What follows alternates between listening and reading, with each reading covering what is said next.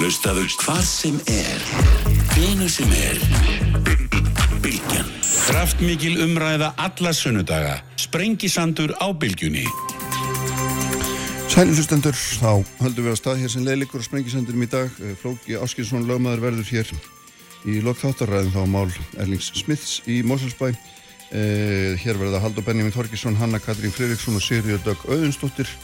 Hún er auðvitað svo síðast núnda nýkjörnum formaða Blamanafélags Íslands. Það var að ræða um hagsmannapott, við ætlum að ræða um þess að ofurstjórn sem Sælabankin fullirti að hagsmannahópar hefðu á Íslandi og aldrei væri hort á hildarhagsmann, heldur bara afmarkaða, ræðum það.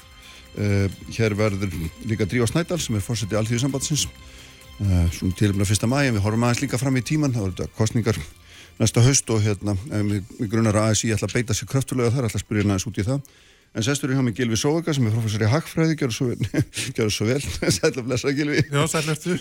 Velkomin til mín, en hérna, mér langar þess að fara yfir stöðuna með þér, vegna þess að uh, það er svona, er allt rólegt, ef maður horfður út um glöggan, það er allt rólegt, frísalt og kýrt, en undir nýri kræma hlutir eins og vaksandi áhugjur af verðbólgu. Mm. Uh, hérna, miklar hækkanar fastegnumarkaði sem hægt er að, að berja tilbaka með því að þrengja mm. lánskjöri eða hækka vexti. Já uh, mikla ríkiskuldir uh, það er svona eitt og annað sem þarf að horfa á inn í framtíðina. Já, hvernig metur stöðuna, Meina, finnst þú að vera einhvern veginn svona, er, er allt galopið eða, eða erum við bara á góri leið? Hvernig, hvað, hvað sem myndur þú segja? Fyrir ekki að hvað þetta er opið og viðfæmt Þetta er mikið flókin staða hér og, og hún er líka flókin elendis um, stærsta málið er hvað gerist í bandaríkjónum núna í sömar og haust því að þar hafa þeir lagt í gríðarlega vekningu ríkisútgjaldað á sama tíma og þeir eru að ljúka bólusendingu þjóðarinnar svo samfélagi þar mun vantarlega fari eðlert horf þegar líður á sumar við alveg gríðarlegum stimulus mm -hmm. svo lágum vöxtum ef að það eina sem gerist þar er að atvinna eikst annars að verðbólka fari upp þá verður þetta vel hefnað ef að verðbólka fyrir vaksnandi í bandaríkjunum mm. þá fara vextir í heiminum upp og við erum bara þetta örlíti peð í í dæmi svo þá getum við búist við að vakstast hér og annar staðar hækki með allskynns afleggingum fyrir mm. hinn ímsu land sem hafa tekið dólaralán síðustu tíu árin svo það er greiðarlega óvisa í heimsakjörfinu en hérna hjá okkur er þetta sampærilegt að vera með þessa lágu vexti að vera með mikinn stimulus frá ríkinu mm. já, já.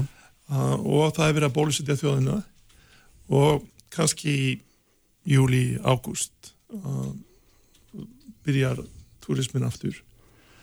Um, og þá er vandi okkar sambarilegur eins og stórurlandana Já. en það sem, ger, það sem, það sem hefur gerst uh, síðasta árið er að það er ekki bara atvinnleysi heldur að samsetning eftirspurnarinnar hefur breyst. Eins og ég hef talað um 10% hagkerfið og 90% hagkerfið Svo það sem mun gerast á næstu mánuðum er að 10% hagkerfi sem er ferðarþjónust að mun koma aftur til lífs mm -hmm.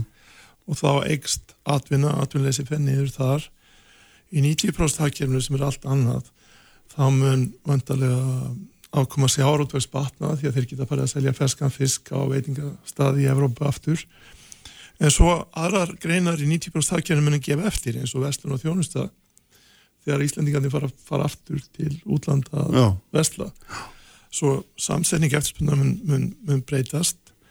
Um, svo er spurning hvað gerist með verðbólku verðbólka núna stafa að vara miklu leiti af hækkun fastegna verðs sem er, má segja sér breyting á hlutvarslegum verðum fastegnir er að verða hlutvarslega dýrari.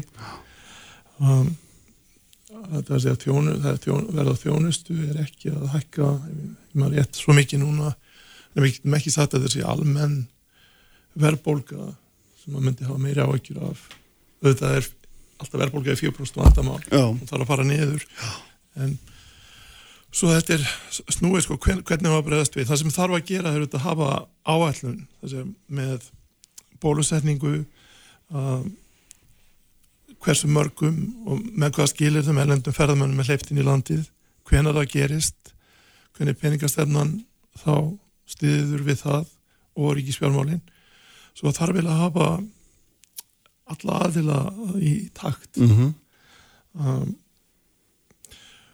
um, svo ég vona ég vona að það muni muni hefnast en auðvitað mun verðbólgan ekki fara á skrið það verður komið veg fyrir það með einu mótið öðru Og hvað þýðir það nákvæmlega? Hvað þýðir það að komið veg fyrir verðbólgu? Hvaða, hvaða aðgerðir eru það sem að sko, það, það er auðvitað hægt að taka á fastegna verðbólgu sko, með ýmsum tækjum núna upp í Sælabanka þeir eru Já, tæki til þess að draga á útlunum bankana um, ja, það er líka hægt að nota vaksta tækið um, svo er tæki sem hefur áhrif á gengi krónunar svo þegar að gjaldir er fyrir að koma inn í gegnum elenda ferðamenn frá elenda ferðamennum þá vantarlega mun við getum búist við að krónan hækkaði sem myndur lækka verðbólgu.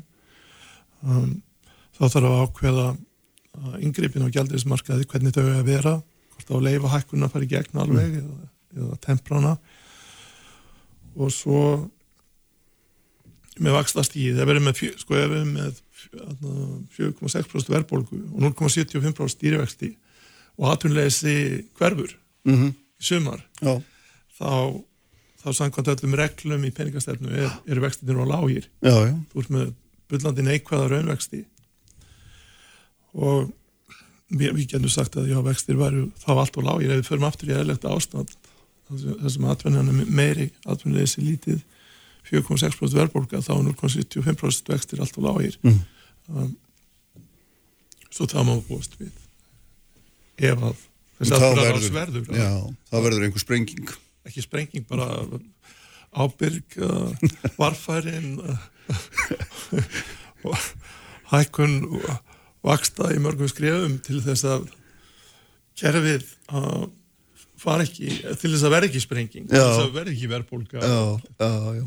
En þá ertu með á hinnum endanum á þessu eru náttúrulega til að mynda húsnæðislána takendur Já, sem eru skítrættir við verðbólku og hafa alltaf verið. Mm. og hérna og núna er þeir líka skítrættir við vakstahækkanir því að mjög, mjög margir eru komnir yfir í já, óverðfrið lán, ekki sett á breytilegum vöxtum. Já, já, það sem skiptir máli eru hvort vextin eru breytilegir eða ekki. Já, já, ég myndi að við minna þeir eru náttúrulega breytilegir í langflestu hluta að mistu innan einhvers tíma ramma Já, en það þýðir það bara að það þarf minni vaksta hækkun til þess að hafa sömu áhrif. Já, svo, svo ef að því fleiri sem er á þeim þannig lánum þeim minna þurfa þá ekstra að hækka til þess að draga úr eftirspurn mm, því að þeir býta miklu meira. Já, svo ég held já,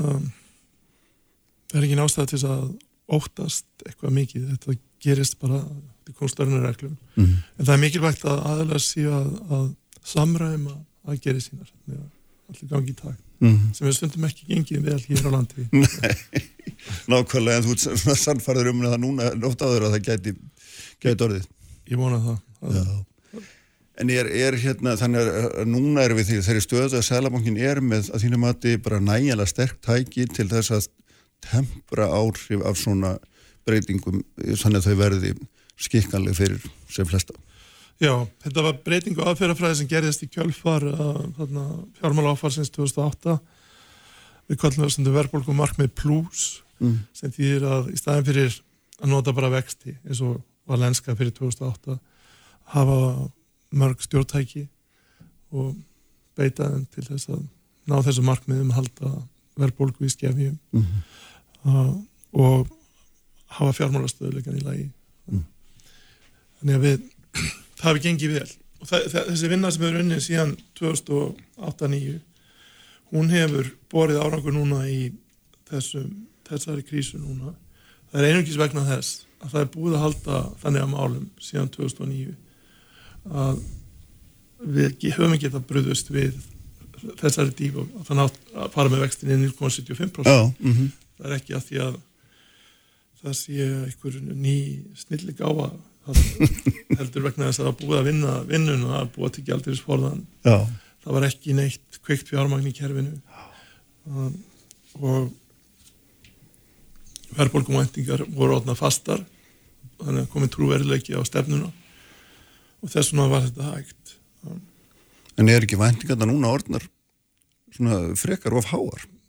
Það að hafa ég hef ekki séð síðustu mæninga það það fundur eftir nokkra vikur en, ég, en ég, það, er, það var ekki vandamál síðastir ég sá það nei. en það þarf að passa vel upp á það Já, mér sýnist að heimilin séu sko væntingar þeirra séu upp á 4%, atvinnulífi eitthvað aðeins lægra. Eitt, til eins árs Já, til eins árs. Mm. Þegar að verðbólkumarkmið er 2,5% Já, þannig að það er orðið daldið yfir. Það er gravalverðt mál ef að verðbólkumvendingar fara á flug. Já, því það er ráða svo miklu þó að þessi skrítið að væntinganda sjálfa stýra svo mikið raun þróuninni. Já, ég mitt. Það stýra verð þróun og launaþróun. Já. En að, já, En hvað, sko, eitt af þessu sem að er, skiptir svo miklu máli líka vegna sem nú höfum við þetta undarförnum ári tekið gríðarlega eða hérna, auki útgjöld ríkisjós gríðarlega og, og þarna gengið á eign ríkisjós og, og, og hérna, sett mikið pjármagn í, út í svona eins og kallar stimjur og einhverja örmunar aðgerðir Já. og þarna uh, komið mikið hall á ríkisjós miklu meir en við vorum með áður. Og uh, menn hafa gert þetta í krafti meðal annars auðvitað nöðsynjar en líka vegna þess að það vextir eru svo lágir að þetta er hérna svona bara augljós leið. En hvað gerist þegar að vextirnar hækka eins og þú nefnir nú bæði í heiminum öllum og hér. En þú getur litið á uh, hluta af þessar, þessu ríkishallar sem fjárfestingu í, í framtíðinni að því leiti að það var verið að halda á lífi fyrirtækjum í 10% hagkerfinu. Svo ef að túrismi byrjar í sumar mm. þá verður uh, miklu öflugri uh, viðstóningur vegna þess að fyrirtækinu er þá til skilur. Já, já, Um, og það mun skila ríkisjóði þá tekjum af 10% hagkerfinu. Um, þannig að eitthvað að þið kemur þannig tilbaka.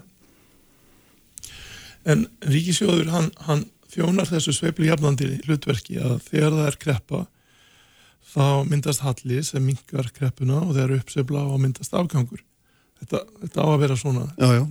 um, þannig að ég uppsefla á ekki að eyða öllum tekjónum heldur á að minga skuldirnar. Mm. og þannig verður verða ríkisfjármæðan til þess að jafna hagsveifluna. Svo þetta er allt eftir kunstarnar reglum að þetta sé svona svo við getum búist við eða verður uppsveifla næstu árin þá verði afgangur þá þá, þá hérna. Þá jafnir þetta seinfallega jafnið, jafnið að segja En er, er engin mörk á því hvað, sko, að því mér finnst það svona að vera aðeins óljóst, sko, að hérna, það eins og sömur talið þannig og maður sér við það í umræðum hagfræðing út í heimi að meina að það er verið að deila um það hversu langt ríkisjóðu getur gengið á svona tímum til þess að skuldsetja sig. Já, Sem er verið bara að segja að það, það er engin mörk svo lengi sem þetta er, eru arðbærar fjárfestingar. En hva, hva, hvað segir þú að því nú erum við búin að þetta, hérna, taka mjög stór skref? en hér er skuldarhlutvaldi ríkisjóðs mjög lágt í alþjóðlegum samanburði það var það áður Mm. en þetta gerist og það verður það eftir að þessi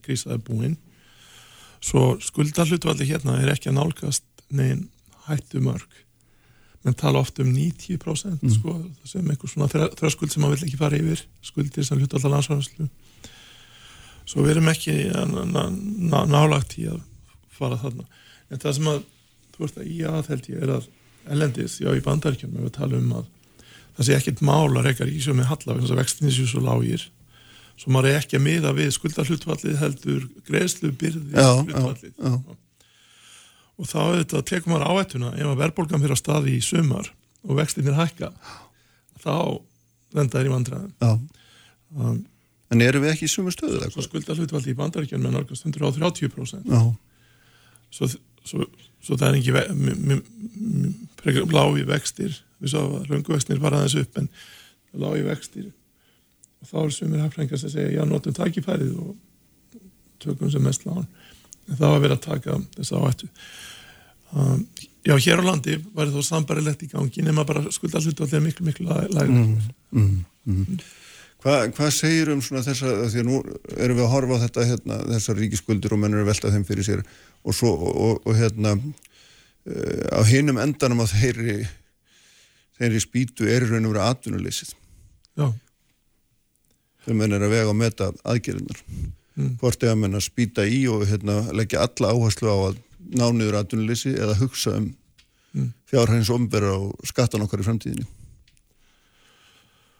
Já ég- sko það sem tókst í, í, í síðustu tólf mánuði með þessum aðgerðum var að verja restina af hagkerfinu 90% hagkerfið fyrir því að hrjón ferðarþjónustu hefði smitandi áhrif inn í allt annað.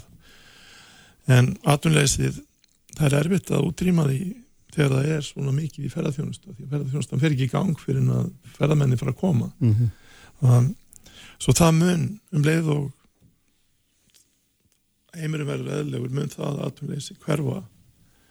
Og það þarf engin uh, ríkisfjármála ekki ríkisfjármála aðgerið til þess. Svo erum bara að býða eftir að þetta 10% aðgerið lifni við aftur mm. í sumar og haust. Hvað var það ratunleysi held ég. Já, mm. en hvað með, hvað með hérna annað sem ég langar að spyrja þeim og er líka í mikið umræðinu er sko hérna er svona bara áhrif hvað maður segja launa á efnarstrónuna mm. hvernig, hvernig það spila saman við því að nú sjáum við það að kaupmáttur launa hefur vaksið heila með að við erum í djúbrin inninsveiflu þá vex kaupmáttur launa enga síður þeirra sem hafa launa minnstu kosti, vex bara mjög mikið Já. og er ekki 10% hérna á síðast árið eitthvað þess það En var ekki að hluta til vegna þess að suma lálunast héttir uh, eh, detta út sko þegar atvinnuleysi eikst meðal þeirra sem hafa lærlaunin þetta er svona reiknistæmi og það er að tala við hagstofuna hvort að hversu miklu við samsetning vinnarafsins mm, breyst vegna þess að það er 10% atvinnuleysi Já, en þegar, þegar, þegar að launin hækkar svona umfram, hvað maður segja, held að framlegin í haggjörnu, hvað, hvað gerist?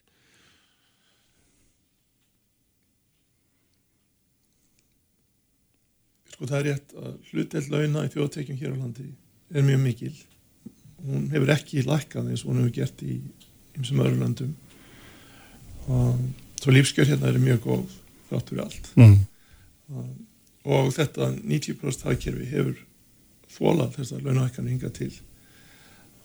En 10% hagkerfið, ferðarþjónustan, hún var, hún var orðin löskuð áður en COVID kom vegna þess að hlutdelt launa í heldatekjum hafði ekki verið harrið síðan að allavega 2003 svo þessi launathróun hún gerir samkjöfnisgreinunum mjög erfitt fyrir um, og ferðartjónustan var í held ég slæmum álum strax það var orðið 5% atvinnuleysi fyrir COVID um, svo tæmlega 10.000 manns atvinnuleysi fyrir COVID mhm. -huh. sem held ég að hafi stafað af þessum, þessum ástæðum um, launakostnaður þá í efrum var ómikið í þessum fyrirtækjum. Svo já, þannig að þannig að um, þannig að það, það sem gerðist í ferðarþjónustu var um, þessi, þessi snögg á mikla aukning um, í fjöldaferðamanna hafði för með sér hækkun og gengi krónunar og sama tíma var krónulaunin að hækka innan þess svo í efrum var launakostnaðurinn að verða óþúlandi fyrir þessa greinar. Og þetta sýnir manni að það þarf að sko, passa upp á allt kerfi þannig að þessi grein hún gerir sjálfur sér engan greiða með því að fjölga ferðamönnum svona hratt og svona mikið. Að þetta var svona sjálfsmark hjá þeim. Uh -huh. að því að þegar, þegar, þegar að, að gengi krónar hækkar svona mikið um, þá þá lenda fyrirtækin í, í, í vanda. Þess að hvert fyrirtæki er auksum sig en þau skemma hvert fyrir öðru. Svo þú ert með nýju flugfélag og tíunda flugfélagi bætist við að fljúa með ferðarmenninga það, það, það, það hefur áhrif á hinn um, svo þess vegna þarf að í ferðarþjónustu, alveg eins og við sjáarútvegi að koma á kerfi til þess að það sé hagkvæm nýting þá náttúruöðlinda sem í þessu tilviki eru hérna, náttúruauðlindi landsins sem að, og nýji eldfjalla þjóðgarður og það var reynd fyrir einum 6-7 árum síðan að koma á einhvers konar gjaldi. Sko það var eftir að hafa það þannig á keflagflugvelli ef það var nýtt flugflugvel fljúa þá þurfa að kaupa lendingarettin af einhverju öðru. Það er svona einhvers svona kótakerfi eða það var eftir að hafa gistináttagjald lendingagjöld allskynskerfi mm -hmm. til þess að kom, koma í vekk fyrir það sem að gerist í sjáratvegi áður en kvotakerfi var komið upp að eitt bátur skemmti fyrir hinnum en þetta hefur ekki tekist og ég held að það hefur ekki tekist vegna þess að sko, sérhagsmunir þetta eru miskildir sérhagsmunir uh -huh. að berjast að máti því að svona aðgangsstjórnun sé tekin upp í þessari grein eins og í sjáratvegi uh mhm. -huh. og hún var ekki, ekki tekin upp og þess vegna var þessi fjörgun allt og snögg og laun hækkuðu of, of hratt og greinum að komin í, í þröng fyrir COVID mm, Já, þá þurfti gengið að falla ekki satt, svona undir verðilegum kringustöðum og maður er það sem maður er að velta fyrir sig hvort að þetta sé einhver, einhver líklega framtíða sín en gengi fellur ekki lengur sko, Nei. það er gömul tíð sko, að, að setja fell að gengi króna. Krón, krónan er, er markaður og það er svona, frambóð eftir spurt það er hægt að hafa áhrif á gengi með því að kaup, Sælabankin kaup og selji gjalderi en, en hann getur ekki farið að móti sko, markasöflunum, hann getur dreyið úr sveplum en hann getur ekki sko, sko það er ekki að það lækka gengið ég skipt fyrir öll og halda því neðri það Mm. er ekki ekki eitthvað sem það er gert af því að ef það er frjálsflæði fjármagst Mm. þá gengur það ekki Þannig að það þarf ekki að hafa ágjör af því að hérna, að gengi falli skart. núna, Já, uh, nei, nei, ég held ekki vantarlega að mynda að styrkjast frekar en eitt því að ferða þjónustan lifnar aftur til lífs þá mynda frekar styrkjast. Mm Það er hérna, þú nefndir hérna orðið hagsmunhópar, mér langar aðeins að spyrja út í það vegna að það var mjög merkilegt viðtal við kollegaðinn úr hagfræðinni, Jan Ásgeir, dóttur Ásgeir, hérna Jónsson, Sælabankstjóra Mm. það sem hann meðal annars lísti því yfir að, að sér hagsmunir, hagsmunahópar stýrðu Íslandi og það væri hérna, það væri mjög erfitt að lenda upp á kantu og ég ætla nú að ræða þetta aðeins hérna við fleiri á eftir líka en hérna, þekkir þessa lýsingu? sko, hérna við uh, samstarfsmennans í Háskóla Íslands í gegnum árin höfum mörg uh, staði í þessum hérna, bartöfum Já, síðast þegar ég var hjá þér held ég að við höfum verið að tala um hvort að hafa sóttvarnir á landamærum eða innanlands. Já, svo ég og, og kollegi minn í, í háskólanum vorum í því síðasta sumar og haust að reyna að segja almannahagsmunir segja það að ég passi upp á landamærin og hafa þjóðlífi hérna innanlands sem eðlegast en ekki hafa óöppin landamæri og fólk sér lokaðin á heimilum sínum. Mhm, það var rimma við sérhagsmunni sérhagsmunni eru þá hagsmunir einhver sem ganga á, á skjöðan við almannahagsmunni Já. þannig að við stóðum í þessari rimmu. Það voru samtök ferða þjónustu sem að vildu opna sem mest. Og held ég algjörlega miskilin hagsmunan bara átt að mm. það skemmir ekkit fyrir þeim meira heldur en að hafa farsótt innan þess aðrir kollega mínir hafa staði því að segja að skipting á rentunni af sjáurútvegnum sé ekki rétt lát. Ja, það var áratuga hagsmuna þarna rimma Mm. um, landbúnaðurinn, við viljum öll auðvitað að sveitinnar hérna séu fallegar og bændur hafi það gott en það eru sumir sem hafa verið að tala um hvernig sé þetta auka hagkvæmni í því. Svo þetta er búið að vera í fleiri áratví hér, hér, hér á landi. Og við veitum líka ellendis í, að bret, í Breitlandi það, það er búið að köpa ný húsgögn í Downing Street og engin veit hver borgaði fyrir það. Já, talandi um sérhagsmunni það er einhver sem er búin að kaupa sér aðgang að fórsættisráðurinn aha, eða fyrirvandi fórsættisráður sem er orðin lobbyisti fyrir fjármálafyrirtæki sem fór á bandaríkjónum 20.000 einstaklinga í lobbyisma þetta er út um allt. Um, en það sem að skipti máli er að stjórnvöld um, hugsa um almanhagsmunni en ekki sérhagsmunni og þetta verður þetta spillingu ef að sérhagsmunni er einhvern veginn á að umbuna einstaklega stjórnmálamönnum í staðin fyrir að þeir gera þeim greiða. Það er spillingin. Sérhagsmunni sjálfur sér er engin spilling en, en, en þú vilt hafa stjórnvöld það sterk að þau hugsa alltaf um almanhagsmunni já svo það sem ég fannst vera skrítið við hennar fréttaflutning var ekki í það hvað um, Ásker Jónsson sagði heldur voru viðbröðin að þetta væri bara eins og að væri búið að finna upp hjólið því að þetta er þetta sjálfsagt, sjálfsagt mál.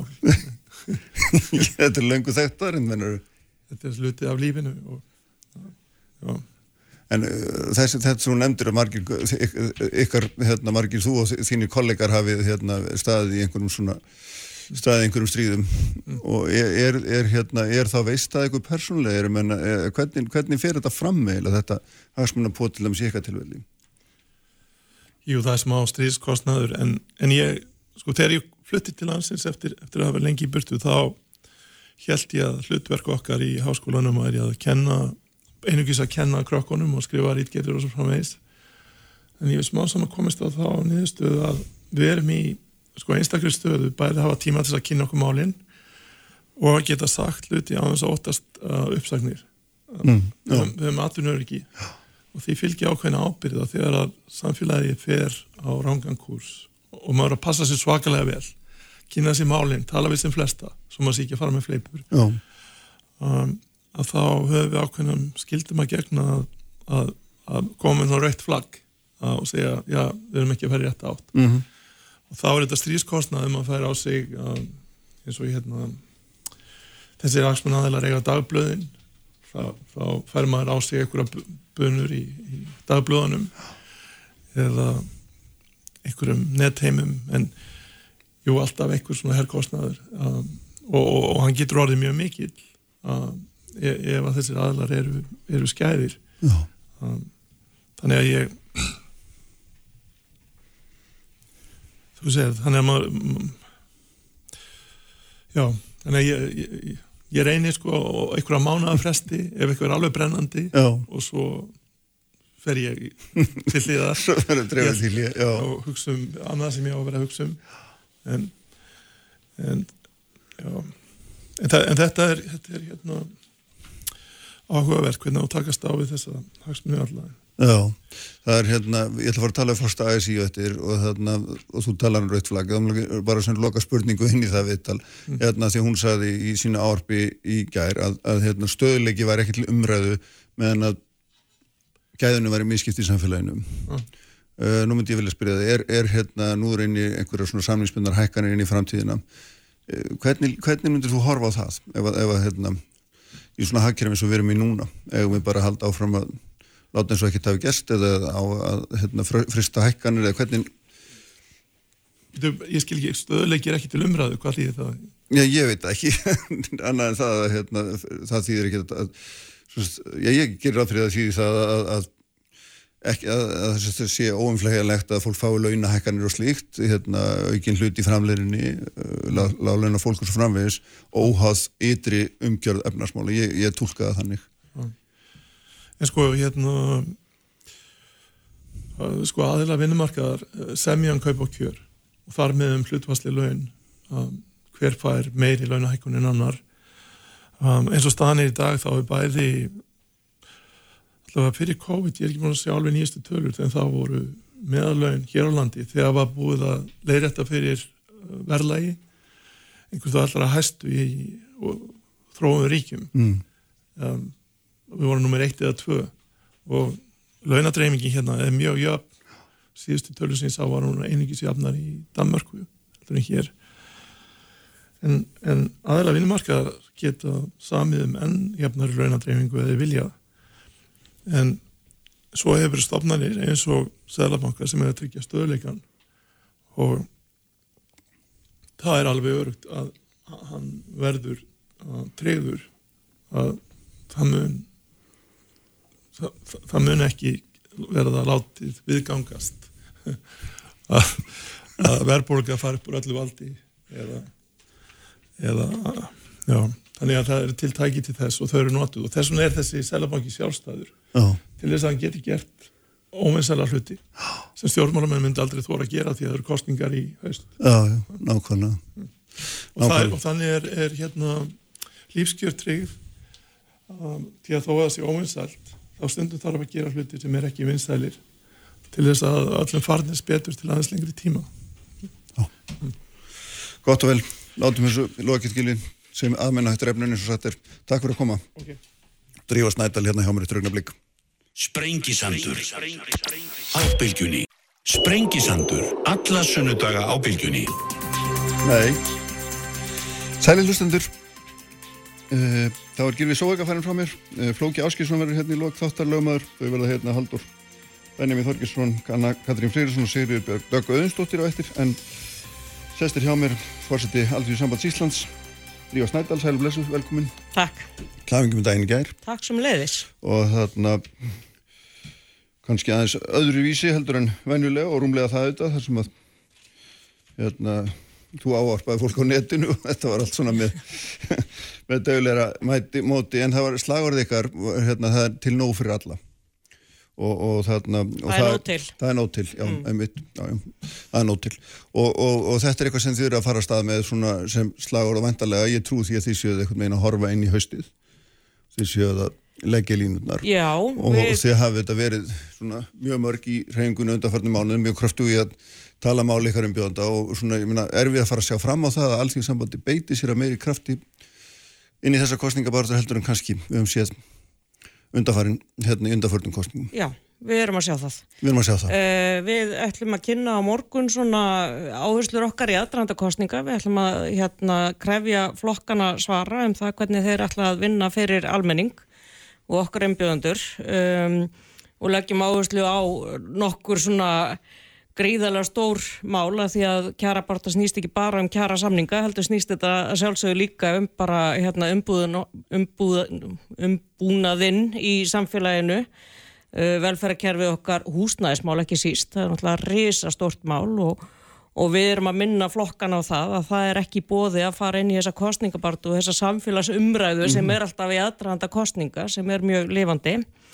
minna flokkan á það að þeir get ekki skila auðu í þessum stóru hagsmjörumálu sem varðar hag almenning, almennings og ekki bara okkar félagsmanna heldur bara um, öryrkja aldraða uh, bara sem talar inn í almenn lífskeiði uh, okkar hér uh, á þessu landi. Aha, þannig, þannig við erum að fara að sjá einhvers konar svona stefnusgrá innan gaslappa. Já. Já. Og húsnæðismál nefnur, hvað er annað svona brínast?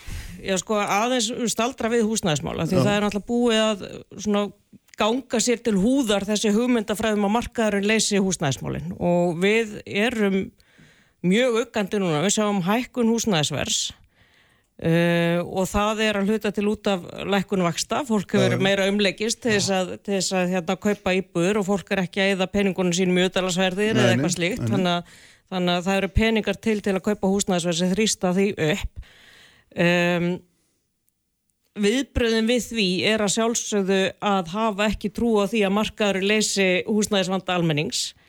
Uh, húsnæði er svona eina svona hortsteinum lífsgæða, þú átt að geta búið í góðu, örugu húsnæði sem þú ræður við fjárhagslega. Ég menn þetta er bara svona grundvalla mannettindi um. uh, þannig að viðbröðin hefðu að sjálfsögðu átt að vera að gefa meira í svona félagslega þengjandi húsnæðis uppbyggingu eins, eins og mörg félagsamtökur að ráðast í, þar meðal við.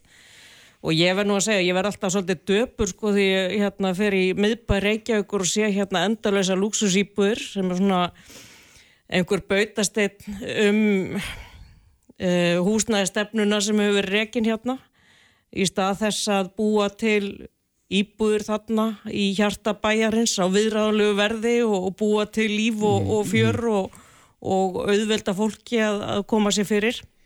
Vissulega hefur ímislegt verið gert en við verðum að fara að hverfa frá þessari stefnu að, að markaðurinn einhvern veginn um, umgi sér yfir fólk eða, eða sjáir hagsinum í því að, að tryggja fólki gott og örögt húsnæði. Og svo eru við bara með fullt af fólki í bara ræðilu húsnæði hérna á Íslandi, ennþá. Mm -hmm.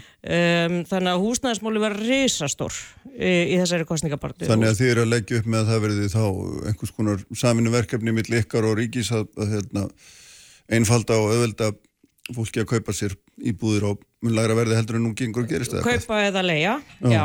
Uh, og þetta hefur náttúrulega alltaf verið svona samveglegt verkefni verkefnisefingarinnar og stjórnvalda. Uh, og ég menna breyðholtu að byggt upp eftir, eftir kjæra samninga uh, það voru yfirlýsingar 2019 um að leggja kjaldnaland inn í búkið, þannig að það var hluti af lausn húsnæðisvandans Uh, ég er líka sátt að einhver leiti við þá stefnu að vera þjætta byggð þannig að Bjarg til dæmis er að byggja sko á kirkjumsandi og vonandi í skerjaferði og fleiru stöðum og, og, og viða um land. Uh, og þetta er svona ein mesta kjara bót sem við séð fólk Nú er dýrar að byggja nýtt húsnaði inn í byggð heldur undan við hana. Já, en þetta kemur líka eh, sko inn á félagslega blöndun og það er bara eitthvað sem allir eru inn á sem hafa kynnt sér húsnæðismál. Það verður að vera einhvers konar félagsleif blandun. Mm. Þannig að uh, það er skinsamt að byggja ekki bara luxusýbúður hér og, og hérna uh, hagkvæmar ódýrar íbúður þar, heldur verður að vera eitthvað blandun. Við viljum ekki lendi því eins og marga þjóðir að það eru hverfið það sem eru ríka fólkið og, og svo eru önnu hverfið það sem hérna, fólk á ekki en því nýfs og skeiðar. Mm -hmm. það, það, er, það er stefna sem er laungu farin í þrótt. Mm -hmm. uh, en þú spyrðum önnur málefni líka og þar erum við að hugsa um heilbreyðsmál og ég var nú byrjuð að fara í ringverðu landi að hitta félagsmenn uh, áður en þessi nýjasta bylgja skall á og það þurfti að, að hérna fresta því en það stó, stendur alltaf upp úr öllum það sem að fer sérstaklega í hérna á landsvæðum sem eru fjærri uh, höfuborgarsvæðinu að það er aðgengi heilbreyðismálum og við erum að sjá það að fólk sem þarf að sækja sér heilbreyðstjónast þarf að fara mjög langa veg taka sér frí úr vinnu þannig að þetta er raunin svona kjara skerðing lífskeiða skerðing mjög mikil fyrir fólk sem hefur ekki aðgengi að góðri heilbreyðstjónustu á sínu svæði.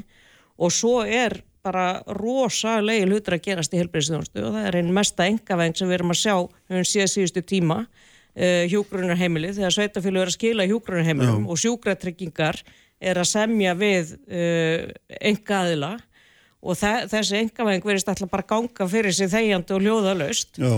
En er þetta ekki bara reyndar komið, sko, er þetta ekki bara reyndar komið akkurir enn sem komið er? Jú, við höfum ágjur af, af Östurlandinu líka, uh, þar er þetta að gerast líka, einhver liti á Söðurlandinu uh, og það er búið að gefa það út að þessi verða ráðnir er nýjir í þessa engavættu, þetta engavætta hjúgrunarheimili fyrir norðan, verða ráðnir inn á alltaf 50.000 krónar lærri Uh, grunnlaunum mm. heldur en þeir sem eru starfandi það nú þegar. Já. Þannig að það er augljóst að sko viðskipta mótilið á að vera það að keira launin niður, við höfum líka að sé uppsagnir á ræstingafólki, þessi útbóð og, og öll þessi vittlisa sem er í gangi. Uh, þannig að sko að arðvæða heilbriðistjónustuna er, er sko hérna hefur aldrei verið góðskvorki fyrir sko þá sem nota þjónustuna starfsfólkið eða skattgreðendur. En nú þekk ég nú ekki reyndar þessi launamál og akkur er að veitsa sem ekkert um þau en, en, en ég minna þú horfist náttúrulega augvið það líka eins og bara allir aðrir að svo aðferð sem við höfum beitt við að reyka þessi hjógrunheimili og greinlega ekki gengið upp. Það eru hérna, hefur orðið mikil þjónustskerðing uh, allstaðar. Uh, hérna, ég held að Svandís hafi sagt, Svagastóttur um daginn að við ætlum að halda sömu stefni þá er þetta ríki gældfrátt á endanum.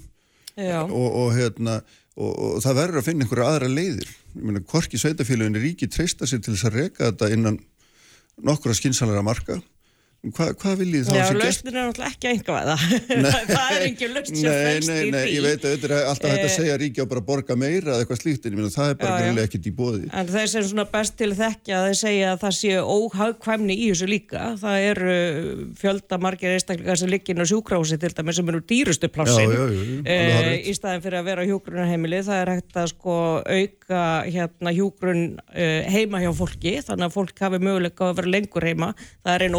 lausnin já, já. Eh, þannig að auðvita sko ég held að, að hérna sérfræðinga þessar lands hafi skrifað svona nokkrar skýslur og gera það fyrir hvernig einasta helbriðisáðura eh, um, um lausnir á málunum eh, en við höfum Svo ekki komið þátt Svo nýjasta síndi fram á gríðalegt tap og rekstri alla þessara heimilag alveg sama í hvaða alveg sama hver áðu og rekur það sko Já, en að einhver leiti er það þannig að reikniregla ríkisins er eitthvað skakk. Mm. Uh, hún meðast við legstu hugsalugu laun Um, þannig að við getum aldrei sett okkur við það að, að hérna hjókrunarheimilið séu rekin á sko með því að þrúka niður launum. Og ég bara verða þarna að vísa í reynslu svíja sem fóru þessa leið mjög meðvitað. Uh, það hétt þá hérna, fjölbreytt rekstraform í heilbriðstjónustu eða hjókrunarheimilum hjókrunarheimilin þar eru núna rekin á sko starfsmannulegum uh, hlutastarfsmönnum uh, ófælarðu fólki lálaunuðu. Uh, þetta er einn af ástafum fyrir því að koronaveiran dreifðist svona hressil út um hjókunarheimilin. Mm -hmm. Uh, Stórkapitalistandi sem áttuðu sá ekki fram á að það var nú arðvænlegt að, að hérna láta fólk hafa um, varnir, uh, bara grímur og hanska Já, og. Þetta er nú ekki ástand sem þú ætti að lýsa hér. Uh, nei, uh, en við hins vegar höfum þetta vitið til varnar og það er bara skýsla eftir skýsla frá Svíþjóð sem sýnir fram á það. Mm. Uh, þessi leið að fara með heilbríðstöðunst í útbóð er verri fyrir skattgreðendur, verri fyrir skjólstæðinga og verri fyrir starfsfólk og það er í alvöru þannig að í Svíþjóð getur fólk, sko gamalt fólk, keift sér auka bað, betri mat Uh, veist, einn ein hryllilegasta ómannúlegasta byrtingament sem ég veit um er sko þegar átt að fara að setja nema í bleiurnar á gamla fólkinu. Til þess að það var örglega ekki skipt á þeim uh, oftar en þör, þörfar á skilur við svíjar eru komnið þangað sko. Og þetta er bara eitthvað skjálfileg framtíðasín sem við megum ekki og þessna Eða sé allt fyrirmyndaríki afnæðamennskunar. fyrirmyndar, já, emmitt og það var, þetta var rosalega heitt hérna, heitt máli Svíþjóðarsingtíma, Úlof Palme uh, blessuð sér minningans, hann barðist mjög hatralega gegn engavæðingu en svo fellur hann frá og er myrtur þarna. Og þá einhvern veginn brustu allar varnir og, og svíjar fóru þessa leið sem er ekki góð fyrir neitt nema fjármasegjöndur og það reka bara það, það lekur sko út úr ríkiskassanum mm. gegnum stórkapitalið og í skattaskjól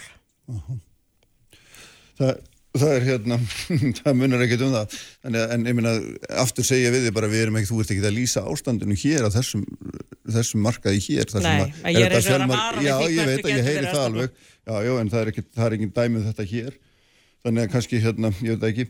En sko, hvað sérðu svona hérna, hvert, hvert sérðu ykkar mér langar aðsattur upphæðu, hvert sérðu ykkar hlutar vera í sumar og, og svona höst?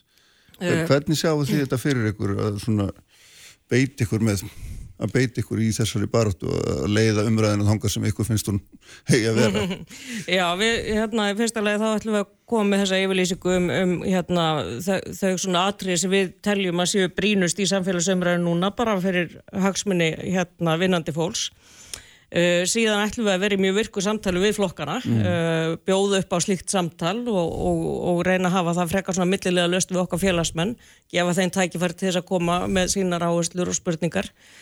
Uh, og síðan munum við náttúrulega bara beita okkar ráðum, kynna þessi sjónamið okkar mjög vel í fjölmjölum og, og hérna með auglýsinga herrferðum uh, og, og tala svolítið inn í svona uh, landsfundi flokkana og frambjóðendur og halda þeim vefni þannig að við munum beita svona ymsum ráðum til þess. Og það var Uh, við erum sér búin að samþykja þessa yfirlýsingu sem verið kynnt í morgun á morgun í miðstjórn alþjóðsabassins uh, við erum bara búin að ákveða svona ákveða budget í þessa hérna baráttu uh, af því að við teljum þetta að vera baráttu sem er mjög mikilvæg fyrir almenning í landinu við erum búin að vera í sambandi við öryrkjabandalagi og landsamband eldri borgara uh, til þess að finna svona sameigilega flut og sameigilega áherslur. Uh, þannig að við erum að vinna þetta svona með öðrum hagsmunum samtöku líka En, en munum svona taka hana bolta og leiða þetta áfram og þá, þá verður þetta stef, það er nót til áfram. já Þannig að það er hérna, þú ert, þú ert að, það er nót til en, en augljóslega eins og þú sagðir í hérna ræðin í gæra þá, þá er kjörunum eða gæðunum miskipt Já, og, og hérna ég áhuga að vita hvernig hvaða leiðir þið viljið fara til þess að vinda ofan að því mm. það er ekki það er ekki, það er ekki einfalt nei, uh, en við hins vegar viljum benda á að það er í sjálfu sér engin svona sátt í samfélaginu um hvernig að skipta kökunni. Uh, við erum ennþá með uh, fólk sem að uh, næri ekki endur saman, vinnandi fólk, við erum með fólk sem býr við slæma hilsu sem er vinnandi fólk. Um, við erum ennþá með uh, hérna kynbundin launamun. Uh, við erum komið með nýja stjætskiptingu á Íslandi sem kjara tölfræði nefnd var nú að byrta upplýsingar um þar sem eru útlendingar sem eru miklu læri launum heldur en Íslendingar. Uh, þannig að sko það er engi sátt um hvernig kökunni er skipt. Uh, ég vil líka ítrekka það að það sem hefur verið að gerast núna og það gerist kannski þegar, þegar bæði vinstri og hægri öll sitja við ríkistjórnaborðið að það kom eitthvað svona félagslegi pakkar og eitthvað slíkt og svo bara í kjölfari koma sko skattalækkanir og fjármarsegundur og, og hérna þannig að það er greinilega verið að víla og díla þannig að um leið og almenningu fara eitthvað þá fá fjármarsegundur eitthvað líka. Hvort sem það er sko hérna afsláttur af hlutabrifakaupum eð, eða hvað það er svona lítilatriði uh, hérna draga úr vegi skattrannsókna Um, þannig að við, það, er ímislegt hægt að gera. Uh, við vitum það að veiðilega gjöld hafa lækkað. Uh, og, og það þýr ekkert að segja að þau hafi hækkað af því að þau hafa raun lækkað. Uh, Þau að lækka krónutölu vegna þess að afkoman er lakar, er það ekki? Nei, það var náttúrulega gert þarna að það var hægt að setja þeir sem eru bæði með útgerð og vinslu að þeir geta sett þetta saman og, og, og þar með En lækkað hlutvalstalan hefur ekki lækkað hérna, Hlutvalstalan hefur ekki lækkað. Þannig- þar með lækkað hérna greiðslu sína ríkisjóð mm. Uh, fjármarstekjur eiga náttúrulega að vera skatlaðar eins og bara aðra tekjur að sjálfsögðu. Um, þannig að og, og við viljum og höldum því til haga að vera með progressíft skattkerfi. Þannig að þeir sem hafa meira umleikis uh, greiði hlutvarslega herra uh, og, og við erum ekki dorðin eitthvað sátt uh, staðan eins og hún er í dag býður upp á mjög, mjög marga möguleika til, Já. til breytinga. Þannig að þetta er það sem þið eruð að fara með inn í sumari líka vantarlega Já, já, þessar þetta er hugmyndir. náttúrulega stóra myndin, Já. uh, hvernig við eflu lífskeiði hérna vinnandi fólks og svo eins og ég segi heilbriðismál almennt af því að við höfum mjög miklar áhugjur af, af hilsu fólks, uh, ekki bara í þessu faraldri heldur, heldur bara hilsu bæði vinnandi fólks og auðvitað vinnumarkaðar og, Mm. og, og hérna það þarf Uh, ég er mjög fylgjandi þeirri svona stefnu að ebla uh, hilsugjæsluna. Ég held að hún sé sko ódýrast og besta stefnan en það þá að vera um all land og, og auðvelda fólki aðgengi. Mm Já, sko, þið fagnuðu fyrsta maður í gær en þá voru líka raun og veru rann út, hérna, rann út sá frestur sem að var til þess að, að, að hérna, ákveða framlög til með tjúgrunarheimila vegna styttinga vinnuveikurinnar mm. og átt að gerast í gær og síðastir hérna, fyrir viku að teimur var hjá, hjá mér uh, fórstur einsaðum og hérna, þá vissi hann ekki neitt hvað myndi gerast um þessi mánuðamót og þarna vinnur náttúrulega fjöldin allir ykkar fólki Mm. sem að vantarlega eins og allir er, veit ekkert hvernig það á að haga þessum málum Já. hvernig það fer útborgað um næstu mánuða mútur framvegis hva, hva, hvernig hérna horfið þetta við? Já, ég vildi ekki geta verið með einhverja fréttir um það, en því, mi- því miður þá já, er ég er það þetta bara ekki. óbreytt staða? Uh, já, það var rauninni gengið út frá því með stýttingu vinnuvikunar að, að hver vinnustæður svona myndi útfæra það með sínu, sínum hætti en það er alveg augljóst að það þarf einhvern veginn að fara að ræða þessa reiknireglu húgrunarheimilana Já, að því að grunn hugmyndafræðin með, með stýttingu vinnuvikunar er sko aukin framleiðinni, minni veikiti og svo framvegist þannig að sko í rauninni svo hugmyndafræði byggir á því að þetta sé ekki útgjald að auki endilega. Þó að þetta komi að einhver leitt út í mikilvæg hækkun launa. Um, að þá, þá svona grunn hugmyndafræðin er að, að þetta auki velferð, heilbreyði og vinnugliði að steyta vinnuvökuna um, en, en auðvitað þurfum við sko þar sem við erum komin inn í svona einhvern fasa að steyta vinnuvökuna og ég held að þetta verði stóra máli svona Já. til næstu framtíðar að þá þurfa náttúrulega okkar svona stopnarnir og reiknireglur og, og bjúró, bjúrokrasi að, að fylgja því. já, betur þú sagði þetta ætti ekki koma til útgjald aukningar en samt felur þetta í sér mjög mikla launahækkanir þannig er einhver þverstaða Eh, Þetta felur í sér sko það sem kjartölfræðinand var að byrta til dæmis og launahækkanir að þar er í rauninni verið að taka inn stýttingu vinnuvíkunar þannig að svona í, í tölfræðinni kemur þetta út sem mjög mikið launahækkun. Já, Um, og mikill kostnar á hjúgrunarheimilinu já, já, og auðvitað verður þetta eitthvað kostnaður svona til að byrja með en, en ég held að til lengri tíma litið að þá verði þetta um, jafnbelspartnaður. Við erum náttúrulega, það sem er að íþingja okkur mjög eru sko veikiti burnout, uh, fólk endist ekki starfsæfinn til þess að, til þess að, hérna, til þess að vera í vinnu Mm. uh, í þessum erfiðu störfum sem umönnun sannarlega er.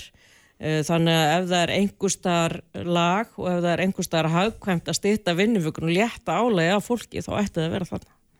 En það er semst ekki engin landsýn í því hvernig það verður gert nákvæmlega Uh, Það er ekki ein hérna, regla um það, nei. Nei, Uh, Það sem við óttum svolítið er að gerast að, að, að svona skrifstofu starfsfólk, fólk sem er nálagt sko valdinu, að það getur stytt vinnuvikuna sína um fjóra tíma og bara hlaupi hraðar og verið effektífara og allt það. Uh, En það sé erfiðara fyrir þá sem eru í, í þessum umönnastörfum og, og þannig, að, þannig að við svona uh, munum gera útætt á því hvernig, hvernig þessi stytting vinnuvikun er að koma niður af því að í henni fælst svona hjá henni opibera að sé hægt að stytta um alltaf fjóra tíma á viku með, með náttúrulega sölu kaffetíma og, og neslu hlýða um, en hérna en við svona höfum að því áhyggjur að, að þetta verði sko flóknara og erfiðara og skila sér síður til fólk sem eru hvað maður segja á gólfinu. Að því að þú, þú nefndir sko sérstaklega aldrara áðan í þessum svona hópi sem að þið myndi beita ykkur fyrir og þá er þetta náttúrulega mjög áhugavert þessi, þessi hjúgrunar heimila umræða vegna þess að hún sýnir auðvitað í hnótskut hvernig við hugsaum um okkar okkar elsta fólk og oft hérna með veikt fólk. Vegna þess að við erum þá komin inn þá stöðu að við erum með hjúgrunar heimili sem að eh, eru reikið með gríðalegum halla eða þar að ekki að taka á sig mjög mikinn kostnað við þessar breytingar sem ekki virðist vera fyrir sig hvernig á að, á að höndla og, þarna, eh, og samt einhvern veginn ætlum við að spara þó að kostnaður aukist og ég bara botnar það ekkert í hvernig eiginlega þetta á að ganga upp sko. Nei, nei, þetta, þetta er bara mjög flóki mál og, og ég held að það sé engin öfundsverður sem er að reyka hjókrunarheimili En, en þetta er alltaf bara hluti af miklu stærri umræðu sem við fórum í gegnum hérna áðan. Já. Það er að segja hvernig á þjónusta eldra fólk og hvernig er hægt að gera það að setja ríkið á hausinn Já, já. eh, en hins vegar að auka lífskeiðis og, og, og hérna og þetta er, þetta er náttúrulega umræða sem er ekkert að fara frá okkur því að fólk er eldast, þjóðin er eldast Já, já. og, og, og Það verður stöðut brýtna viðfónsefni getur við sagt. heldur betur og, og inn í þetta fléttast reynda líka svona hávara rattur um að fá að vinna lengur fá, Já, vi- fá að vinna fram með sjötugt uh, en sumar stjættir þurfa að fá að vinna skemur sem eru í miklu álægi uh, þannig að þetta kemur líka inn í sko, eftirlaunaldurinn og lífeyrisjóðina og allt það sko þannig að auðvitað er þetta eitt af risa verkefnum framtíðarar. Ljómandi Drífa, takk fyrir að koma Takk sem leiðis. og hérna við sjáum hvernig sjáum hvort þið verðið alls ráðandi í kostningafartinni í, í sumar og haust uh, ég ætla hérna að gera smá hlýð þau koma hérna eftir augnablik Haldur Benjamin Þorbergsson, Hanna Katrín Friðriksson og Sigurður Dag Öðunsdóttir Sprengisandur, alla sunnudaga á bylgjunni. Fréttir, fróðleikur og frábær tónlist. Bylgjan, fréttir þjóðmál og pólitík. Sprengisandur á bylgjunni.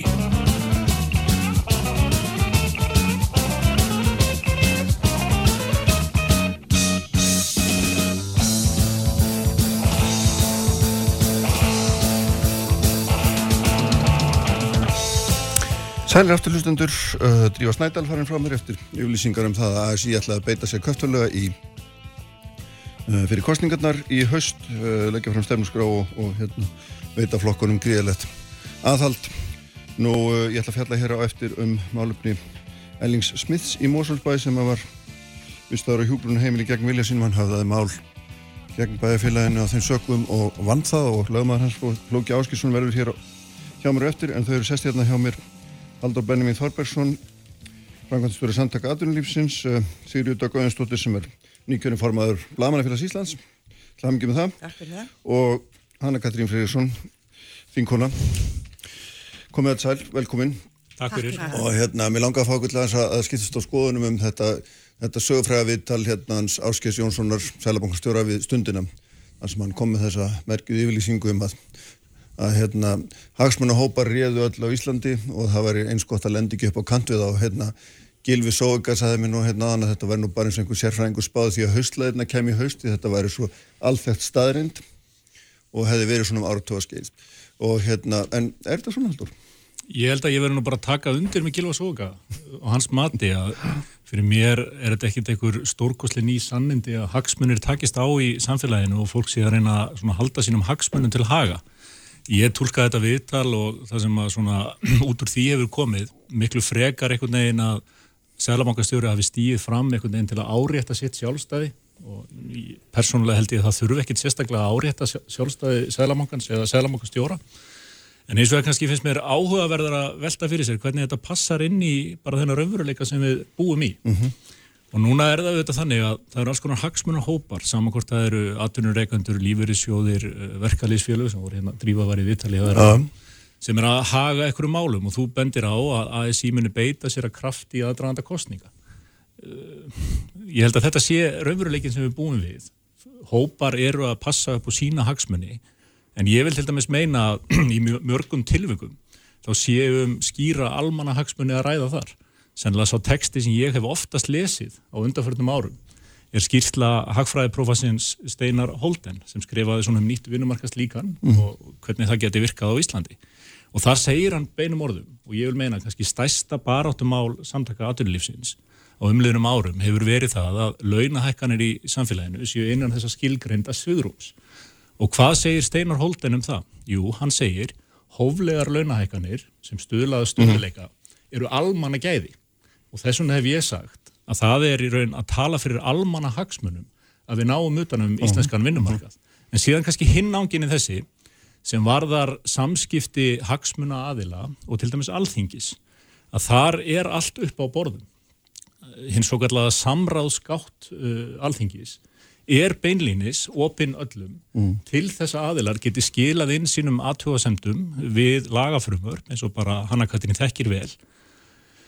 Og þetta er allt saman opið og ég hef sagt, sko, samtöku aðtunulífsins, það er ekkert sem ég hef sagt, gert eða skrifað á umliðnum fimm árum sem ekki þólir dagsins ljós. Við eigum í miklum samskiptum við þingmenn, við fréttamenn eins og nýkjörinn formann blagamannafélagsins og svo víðri og þetta er allt saman opið, allt sem við byrtum, mm. allt sem við skrifum, öll erindi sem við rekum kakvar þinginu eða sveitafélagum.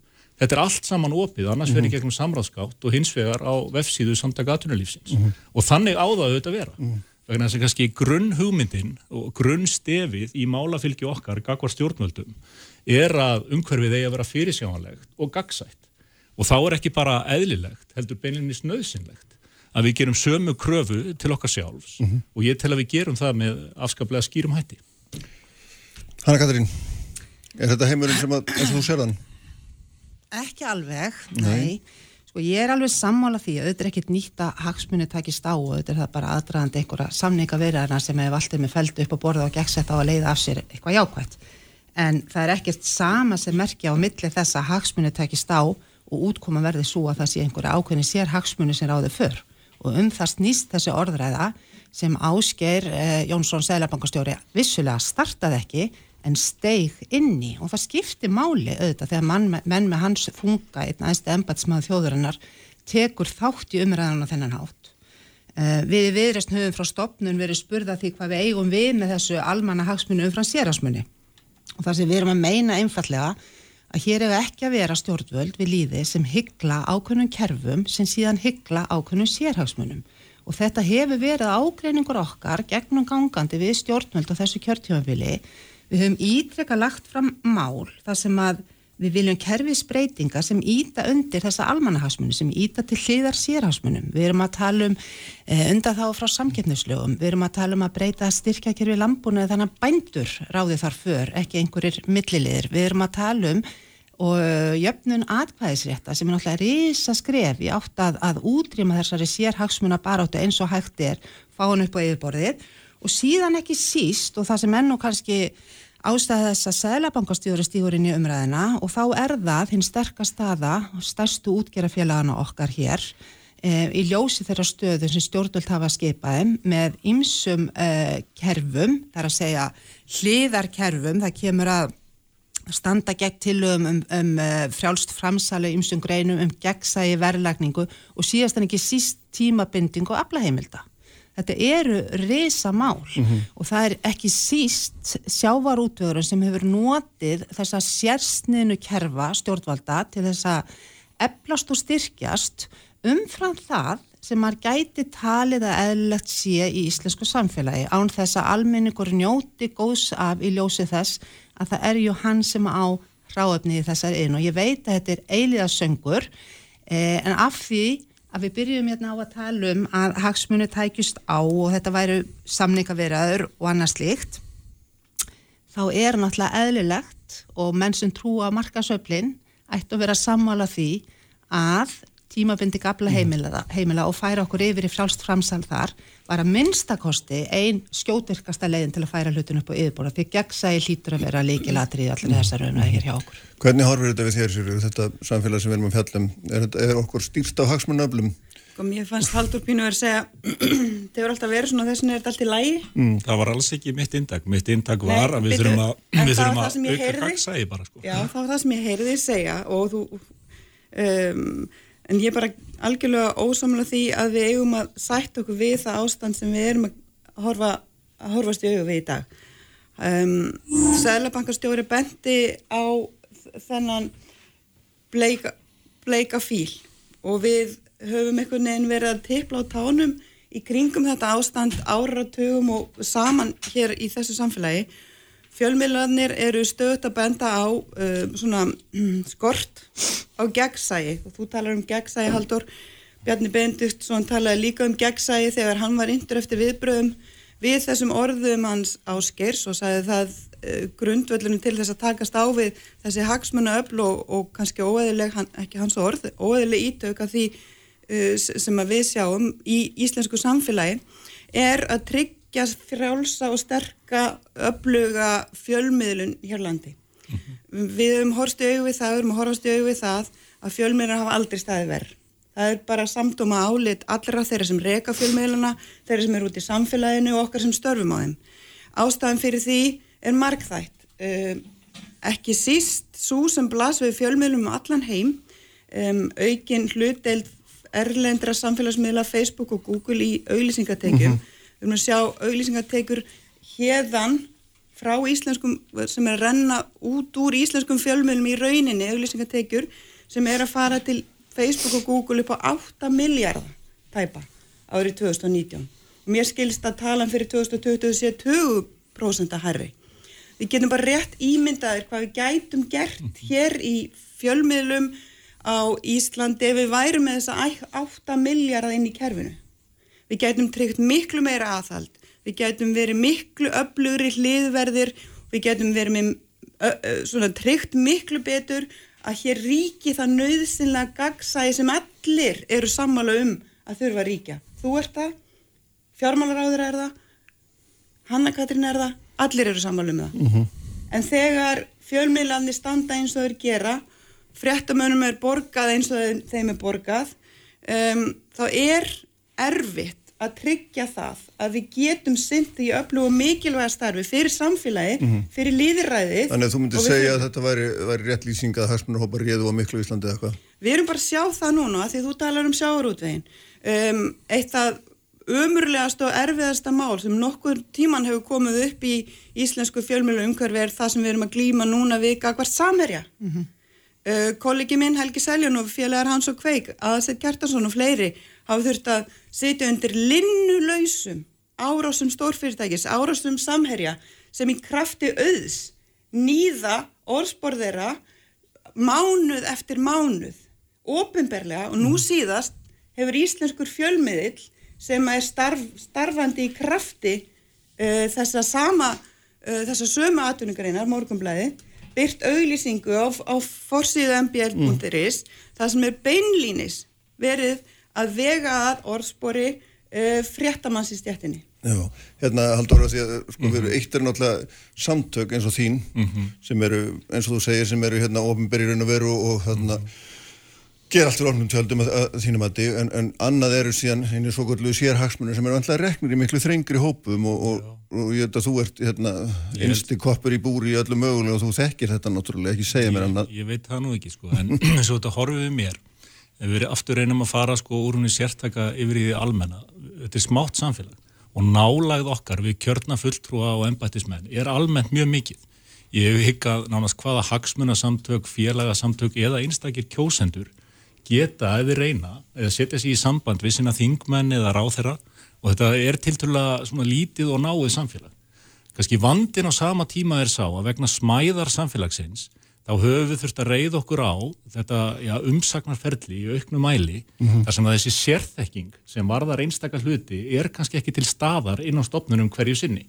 Og hvernig virkar það? Það virkar þá þannig að þeirra aðilar sem hafa einhvað um lagafrumvörp að segja koma fyrir nefndarfundi í nefndum alþingis og eru að leggja sína sín og sitt mat á þau frumvörp sem eru til umfyllunar hverju sinni. en Sama hafa hvort það er stórt eða gengur ekki smátt. bara út og að segja, segja skoðun sín á frumvörp þannig að það gengur líka bara út á það að, að svona tryggja það að réttur aðtunar heyrist og svo framvegis Já, já, auðvitað, auðvitað er hluti af hagsmunasamtökum. Sjárútsfyrirtækin eru hluti af samtökum aðtunulífsins finnst þér til dæmis eðlilegt hvernig samherri gengur framgagvart ákvörnum mönnum eða, eða finnst þér allt í lægi Ég ætla nú ekki að vera að tjá með um einhverja ákveðna menn hérna. Af hverju ekki? Vegna þess að mér finnst það bara ekki við hæfi. Af hverju Það ekki? Samtök aðtunlýsins En tala ég fyrir almennum breyðum hagsmunum, nú er ég með orðið fyrir ekki, tala fyrir almennum breyðum hagsmunum og ég er ekki hér til þess að tjá mig um einstaka menn, það er bara einfallega ekki mitt hlutverk. Hins vegar er það þannig að það er alveg rétt sem þú segir, að rattir heyrast mishátt og að því að drífa var hérna á undan, þér, á undan okkur, þá er til dæmis rétt að geta þess að í aðdraðanda kjarasamninga eiga aðilar vinnumarkaðarins, til dæmis samtal við stjórnvöld um hluti sem við viljum að koma til framkvæmda til þess að liðka fyrir gerð kjarasamninga. Það er hins vegar allt saman upp á borðum. Og það til dæmis byrtist með þeim hætti að eftir að kjarasamningar hafa verið undirritaðir kemur yfirlýsing frá stjórnvöldum um einstaka atriði sem eru lögð fram til þess að stuðlað framgangi kjarasamninga. En Þetta Haldur, en Haldur. Haldur, eh, tölum um þetta almennt. Finnst þér almennt í lagi, út frá almennu sjónamöðum, Mhm. að fyrirtæki beiti auði sínum til þess að, að hérna, ráðast á langrendamenn út í bæ? Minna, þetta, er, þetta er bara almenn spurning, skilur. Já. Það þarf ekki að tala um einstaklinga, ekki, ekki stöng fyrirtæki, við skulum bara taka þetta almennt. Almennt- Finnst þér það í lagi? Almennt held ég að það sé ákjósalegt að við séum í þessum breiðu línum og fyrirtæki séu ekki með beinum hætti að nafngreina menn og fara í auðlýsingaherferði gegn þeim. Það er mín persónulega skoðun og ég held að hún sé bara mjög viðtæk. Hins vegar er það annað sem framkom í máli Sælabankastjóra sem varðar það að þegar að ofnberi starfsmenn og hann er að vísa til þess að það er að setja sérstaklega lögjöf sem kemur í raun í veg fyrir að borgararnir geti leita réttar síns gagvart ofnberum starfsmennum sem hafa brotið af sér í starfi. Þar tel ég að við séum komin á mjög hálan ís en er það mín skoðun að það sé svona síðasta brjóstvörd einstaklingsins, gagvart ríkisvaldinu að geta einmitt skoti málum sem domstóla ef, að- ef að svo ber undir. Já, já, Ég heldur að það kom fram að það kemur ekki veg fyrir að það sé hægt að uh, uh, sækja menn til saka, alls ekki. Ef menn brjóta í, af sér í starfi þá er ennþá hægt að fara með það mál fyrir domstólum. Mér skildist á þessu viðtali og hann er kannski þekkið uh, betur sem hluta lögjafunum að þetta sé eingöngu svona táklegs eðrilis að ríki geti staðið við bak sinna starfsmanna. Er þetta ekki rétt hjá mér? En Ma, má af ég því að, að- að, aðeins að koma inn, Já, hérna, inn í þetta af því að þessi umræðum um fjölmiðlana hún, hún skiptir svo miklu máli og það er bara mikil ástæða fyrir okkur öll uh, að hafa áhyggjur af þessari þróun. Fjölmiðlar er ekki ósekju kallaði fjórðavaldið og gegna þessu hlutverki sem við þekkjum. Það er upplýsingagjöf til almennings og það er aðhald fyrir almenning bæði aðhald stjórnvöldum og öðrum ráðandi öflum í samfélaginu. Og þar er ekki síst átt við í litlu fámönu einsleitu samfélagi þessi stór fyrirtæki sem er að hasla sér völl og ég ætla kannski að fá aðeins út út úr hérna að nefna að nú hefur frá því að meðan desember beðið eftir skýslu sem ég hafði forgöngu um að alþengi kallaði eftir um eignarhald eh, 20 stærstu útgerra fyrirtækja landsins á atvinnulífi ótengdu sjávarútvegi. Ég bað um uh, fjárfestingar þeirra, sjálfra, dóttufélaga og tengdra eignarasfélaga til að ná sem skýrastu mynd. Það er djúft á þessari skýslu, því miður, uh, það er, er fordami fyrir þessu, þetta var í rannsóknarskýslunni þegar skoðið var í ítök bankana í Íslensku atvinnulífi, um, en þetta verður mjög mikilvægt plaggin í þessa umræðu um það hvað er það sem ráði för hér þegar laugjafin er að sinna sínu og þegar fjölmiðlar er að reyna að sinna sínu. Ég held að, að við, sko, mögulega það eina, eina góða sem kemur út úr þessu að, að þetta síni fólki á hvað við erum á alvarlegri leið og því Sigard og þú talaði ráðan um að þetta væri þekkt sá allstæðar í heiminum, verstandi staði fjölmila, þá er það samt áhugavert að fyrir s- 2006 voru íslenski fjölmiðlar í topp, á toppun listans yfir frelsi fjölmiðla með öðru norðunendum. Við höfum farið niður hennar stiga konsekvent síðan, eru núna í 16. seti, hinn norðurlöndin eru ennþá efst. Þannig að eitthvað eru við að gera illa í samband við fjölmjöla umhverfið og fjölmjöla umhverfið verður ekki tekið úr sambandi við hagsmunni samfélagsins. Eru algjörlega samofnir og svo ég útvika þetta nú, nú líður á lokun kjörtjumabils mm. þar sem stjórnmjönd ætluðu frá fyrsta degi að laga þetta og þau eru búin að halda þessari gullrót um, um frumvarp til stuðnis á rekstri enga fyrirtækja inn í þetta blanda strúf og ég mér vitandi er ekkert að frétta. Það eru nokkra vikur eftir að Það er alltaf að skjóta örstuðt inn í hvað þetta mál var. Ég held að þetta sé raunverulega óg staða fjölmiðla í samfélaginu. Hmm. og sem dæmi, eins og hægt er að lesa um á heimasíðu samdaga aðtunlýsins, þá styðjum við það að við komum til styrtar Hmm. fjölmiðlum og þessari breyðu fjölmiðla flóru, en það er bara algjörlega nöðsynlegt fyrir þessi skoðanaskipti sem við áttum að ræða í þessum þætti. En hvað varðar sko aðgang að fjölmiðlum, fyrir geðu sér í tekaður orðið, og kannski gott að fá þín viðbröð líka, bara varandi aðgang að fjölmiðlum. Mín upplifin er svo að aðgangur alls þorra manna, hagsmunasamtaka, fyrirtækja, verkalýsreifinguna, sé mjög góður að fjölmiðlum. Ég til dæmis einhvert einasta skipti sem annarkvort Sigriður eða Kristján hafa samband við mig, þá segi ég bara já og mæti. Og ég hef ekki orðið var við annað en að alls konar sjónamið heyrist mjög skýrt í íslensku fjölmiðlum, saman hvort það er í morgun þáttum, Mm. þáttum eins og þessum eða fréttatíma að sjónvarpsins. En hvað haldur þegar verða einhver fjölmiðlar eins og það stefnir í? Hvar, hvar verður aðhaldi, hvar verður aðgangurinn að fjölmiðlunum? Ef verður auglýsingarlaust rúf og það verður eini miðl sem verður starfandi og sjálfur búin að segja það að, að eh, ástandi séur svo slæmt, við erum að horfa á þess að sko miljardar sem eru jafnvel að nálgast 20 miljardar uh, farandi út úr, út úr fjölmiðla, uh, rekstra umhverju fjölmiðla hér á landi.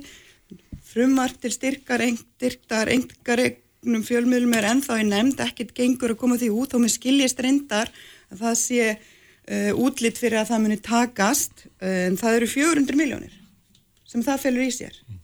Um, hvernig væri að horfa til almanna hagsmuna, almennra hagsmuna eins og þú talaður um áðan þú vildir ekki tala um eitt sérstakt, eitt tiltekið uh, útgerðarfyrirtæki, þú vildir tala um almanna hagsmuni hverra hagsmunir eru það? Þegar fyrirtæki eins og Sameri getur í krafti auðst síns um, rekið uh, ófræðingar herrferð gegn einum, tveimur, fleirum fjölmjölamönnum sem er að sjálfsögðu ekki bara til þess ætluð að þakka niður í þessum eina, þessum, þessum eina miðli, þessum eina fjölmjölamanni, þessum eina rannsóknublaðamennsku þætti heldur til þess að hræða alla stjættina frá því að vilja fjalla um málefni þessa fyrirtækis og jafnvel útgerðarinnar heilsinni. Þú ert að átaka sækinsýrjur. Ég var að enda við að segja, við erum sammálum það að reyna að styrkja fjölmjölöngur til þess að, fjöl... að fjölbreyta rættir um geti heist. Sko. Sé, þú vil ekki tala um þetta sem hagsmenni heildarinnar. En þetta eru einmitt hagsmenni heildarinnar.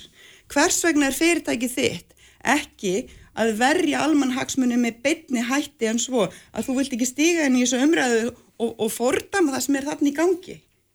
Hvernig getur þú séð að þarna sé ekki um almanna hagsmun að ræða þegar þetta er rauninni óknu alla fjölmiðla í landinu og frjálsa fjölmiðlun og frjálsa blæðinu? Sér við hljótt bara að bregðast östut við þessu. Við hljóttum að vera sammála því aðeinar með í stíginni fjölmiðla og, og með auglýsingum eins og þeir kjósa. Það er ekki þar með sagt að ég hefði gert það með þeim hætti en við getum ekki banna það að fólk stýgi fram og haldi sínum sjónamiðum á lofti. Mm. Ég þarf ekki að fordæma það eða samþykja en ég get sagt þér ég myndi ekki beita mér með þeim hætti.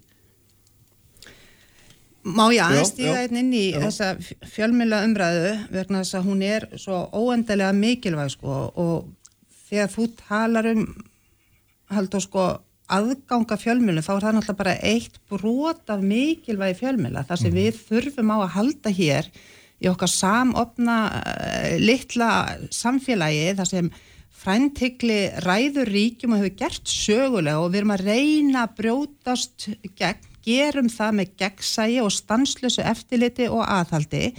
Þar sem sér hagsmunir ráða för og ég þarf ekki að fara aftur yfir það, ég gerði það í upphafu af hverju við til dæmis í viðreist lítum svo á e, þar sem almanna hagsmunir eiga því miður undir högg að sækja í þessum stóru málum ef við drögum línu, málum hérna, myndina við svona gróðundráttum þá skiptir óhæði fjölmila máli og geta þeirra til að kafa honni mál og standa af sér fyrir sjálega mótspyrnu þeirra sem eiga hagsmuna að gæta. Ég þekki personlega og ég held við gerum það flest, ég þekki personlega dæmi þess að fjölmila hafi gefist upp á máli vegna þess að þeir bara geta ekki, þeir hafa ekki mannskap, þeir hafa ekki fjárhagslegt úttald og þeir hafa ekki meðbyr með sér til að standa undan gengdalösum þrýstingi og niður í hótanir. E, þetta er það sem við þurfum að gæta og auðvitað e, koma þarna alls konar atriði inn, lögjaman spyr að gæta þess að sá hluti lögjöfin sé í lægi e, það er líka eitthvað til sem heitir kultúr í samfélagi.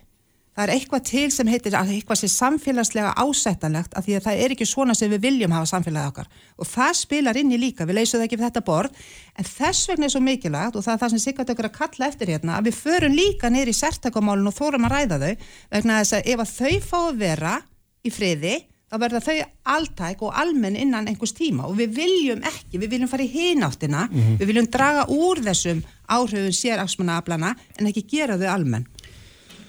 Mér finnst þú haldur til dæmis ekki gera það grein fyrir hvað, hvað er mikið undir þessu tiltekna máli. Það er svo mikið undir að eins og við getum ekki verið að ræða þetta sem sérstækt mál.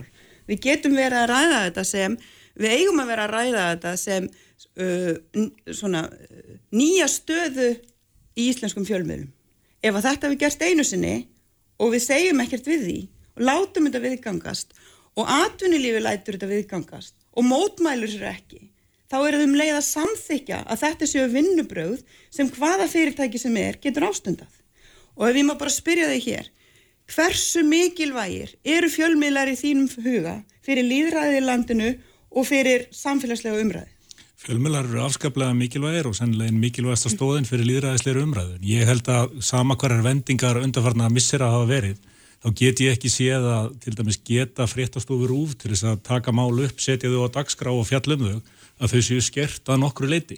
Nei, hvað virði- býtu, býtu, mér má ég gripa aðninni? Já, En þarna er nákvæmlega við að tala um fréttastöfu rúf. Já. Þarna er uh, samherji að ráðast í krafti auðs, í krafti valds, í krafti ítaka í, í morgumblæðinu á fréttastofu rúf. Reyna að grafa undan trösti, reyna að grafa undan orðspori þessara fréttamanna sem þarna koma að linnulöst í allan þennan tíma.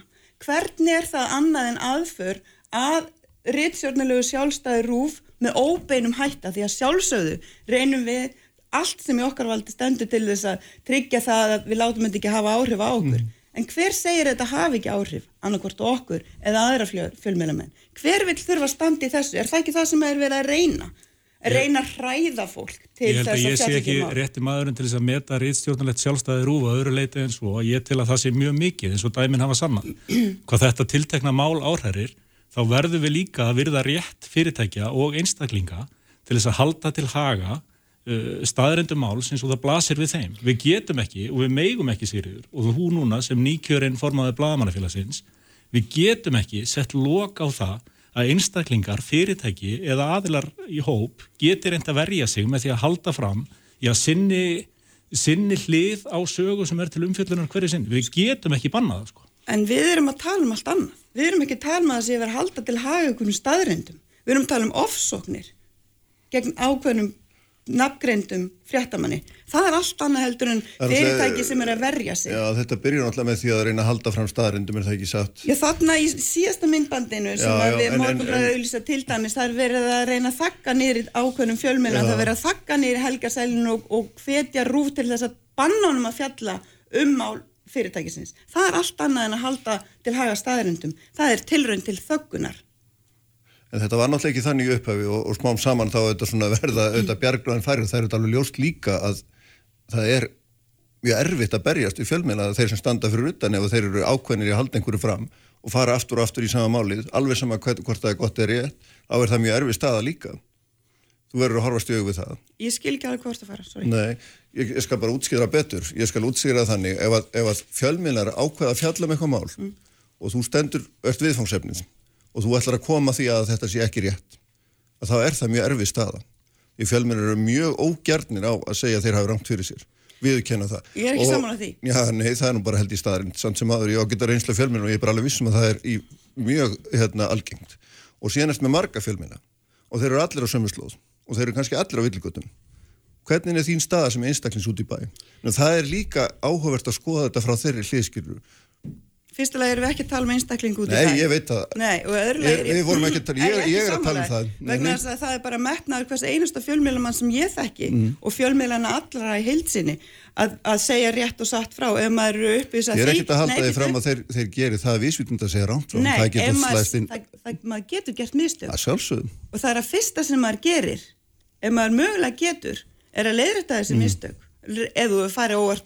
er er þessi farið uh, með rángfæslu þá leiðrættur það. Ég veit, veit engin dæmi þess Nei, í en- kringum mig að við neytum að leiðrætta það sem er að fara með í frétt Nei, en, en hérna, það sem ég er kannski að tala um svona almenna nótum er það að, að þessi þegar að fjölmennir eru komnir á fullt í einhverja átt skilur þá er giska erfitt að snúa því við. Það er þannig veitur ekki, hvað finnst til að með sér þingun ef að fjölmennar fara hérna rámt onni eitthvað? Er það held að snúa því við annars er þetta orðin svo sértak umræða okkur skýrskriðin sko, nei, nei, en, en kannski sko, já, þetta er, orðið- þetta er rosalega flókin umræða og það, það er einhvern veginn stærri, sko, ég held að, hérna, þessi fordáma lausa leið uh, samherja í þessu tiltekna máli uh, er aldrei réttlætanleg. Það er mitt mat vegna þess að þeir hafa önnur úræði. Þetta er náttúrulega fyrsta lagi er í gangi, svo best ég veit, dómsmál sem ættir að fara sína leið, það er nú eitt. Uh, annar staði eru yfirmenn, það eru stjórnendur á viðkomandi fjölmiðli. Þriðja lagi er hægt að uh, þekkja spóð um að mæta í viðkomandi fjölmiðl og taka samtalið. Um, en þessi samfélagsmiðla kiftar auglýsingar gegn mannorði tiltekins uh, fjölmiðlamanns, ég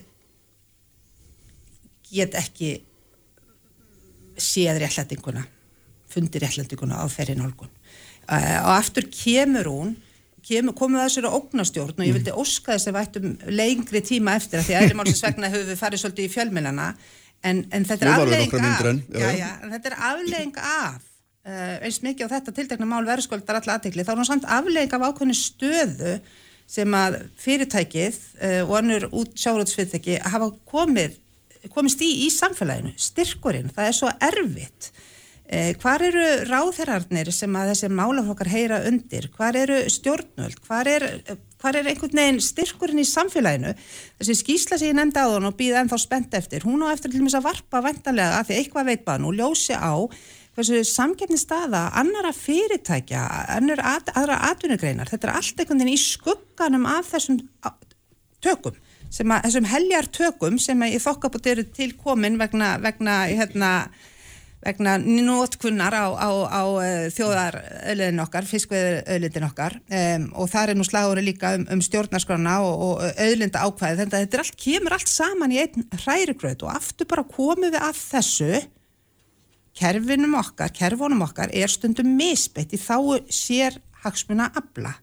Annars vegar að því það hefur alltaf verið svona þetta þróast smá saman með stjórnvöld skortir kjark eða eitthvað annað vilja til þess að breyta því um, ég held að það sé nú algengasta leiðin. Þetta mál sem við erum að ræða núna þetta er aflegging af því.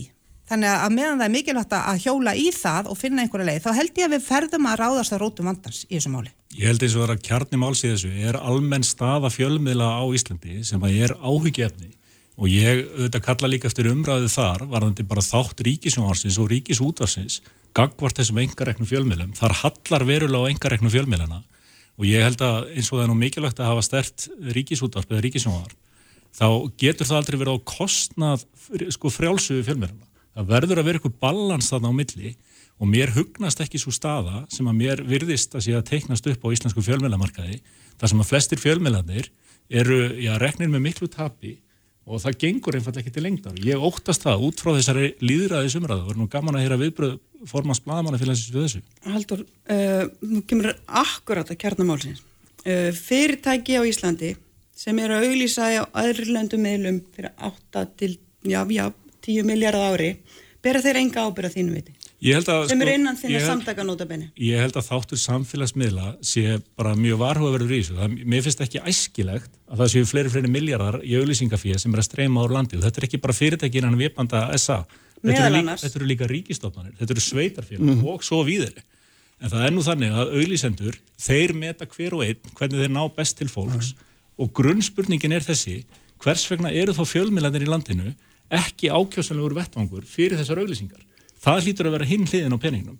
En ég er talsmaður þess að það er að jafn setja íslenskra fjölmjöla gagvart samfélagsmiðlum, þannig að þeir eru það alls ekki núna, eftir því sem ég best veit, þá er þessi samfélagsmiðlar, þeir ber ekki skattskild á Íslandi mm -hmm. og greið ekki virðisaukaskatt svo, svo skattlegiði. Og mér finnst það eru algjörlega borlegjandi mm -hmm. að þið minnsta að íslenski fjölmjölar sitji við sama borð þegar kemur á auðlýsingasölu og erlendir, erlend stórfyrirtæki eins og Facebook og Google mm -hmm. og hvað þetta heitir allt saman. En okkur eru þín samtök ekki beitið sér í þessu? Þú er greinlega ekki að hlusta sér. Nei, menn okkur hafið, þið, ég hef ekki heyrst þetta á því, ég hef heyrst þetta, okkur. en ofinberlega hafið þið ekki verið mjög hávarir í þessar umræði. Jú. Hafið þið verið að ræða við stjórnvöldum þennan möguleika? Hafið þið verið að, að blása í einhverja lúðra til þess að reyna að bjarga íslenskum fjölmjölum með, með hvaða hætti sem er? Hafið þið verið talsmenn þess að við þurfum að, að bregðast við sem þjóð til að tryggja það að hér starfi öflugir fjölmiðlar? Hafið þið verið að beita ykkur í því að ræða við ykkar félagsmenn um samfélagslega ábyrð þeirra þegar kemur að þið velja hvað þeir auðlýsa? Það vil svo skemmtilega til að svarið er afdráttarlust já. Mm. Við höfum gagvart mentamálar á þeirra og nefndum þingsins nákvæmlega verið að leggja til það sem þú ert að orða að það verði jöfnuð skattaleg staða íslenskra fjölmiðla, gagvart samfélagsmiðlum þar sem þetta sé óeðlilegt samkeppnisforskott sem þessi erlendu fyrirtæki hafa.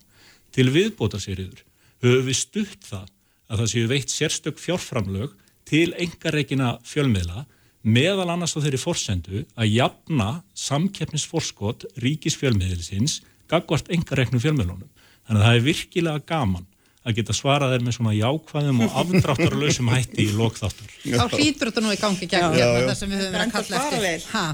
Koma hagsmunaflinn og reyka þetta gegn. Heyri, þakka fyrir að koma. Ég þarf að, hérna, að fara í annað Hanna Katrín, Sýri Dögg og Haldur Benjamin.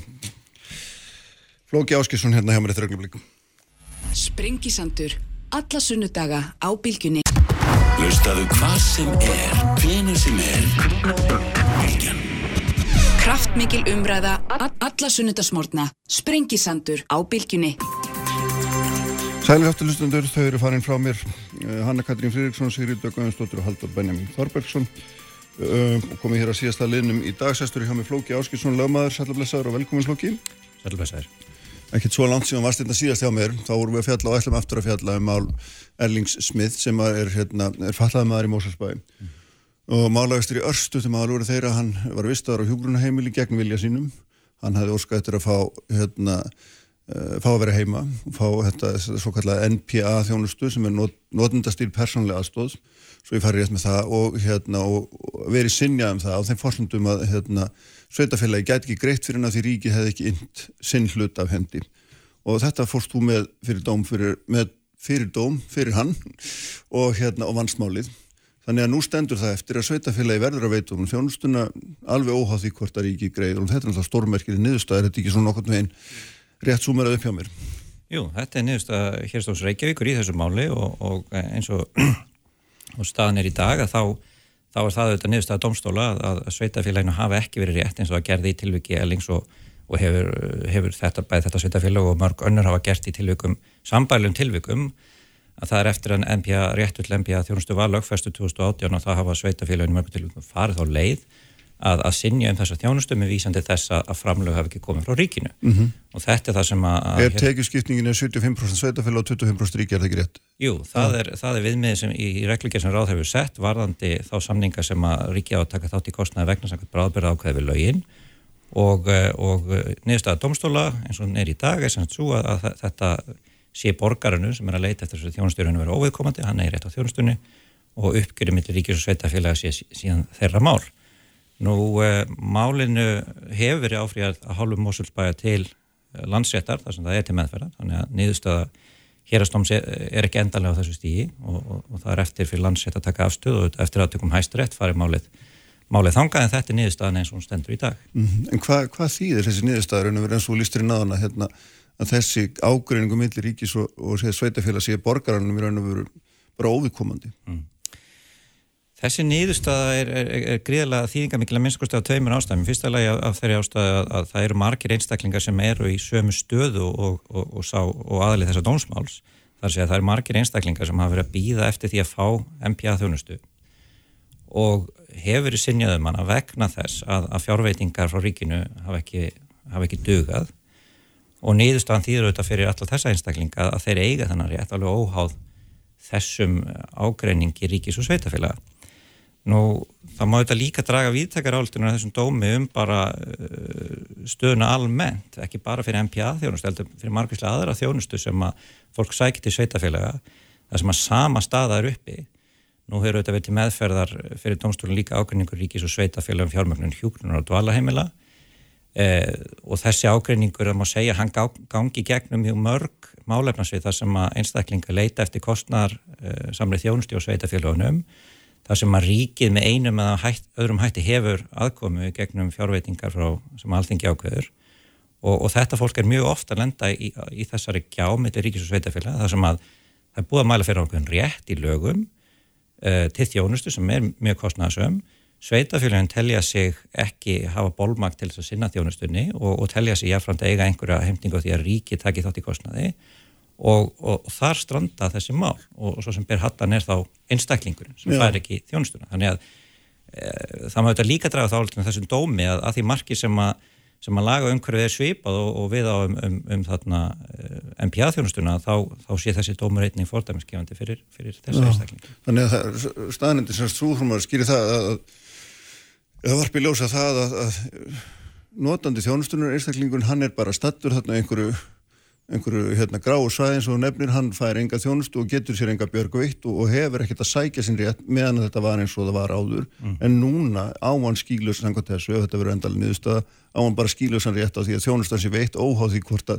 raun og veru sveitafélagi til þess að hafa fjármang til þess Já, það er raun og veru niðurstöðan hvað varðar MPA þjónustun á grundulli laga um, um, um, um þjónustu við, við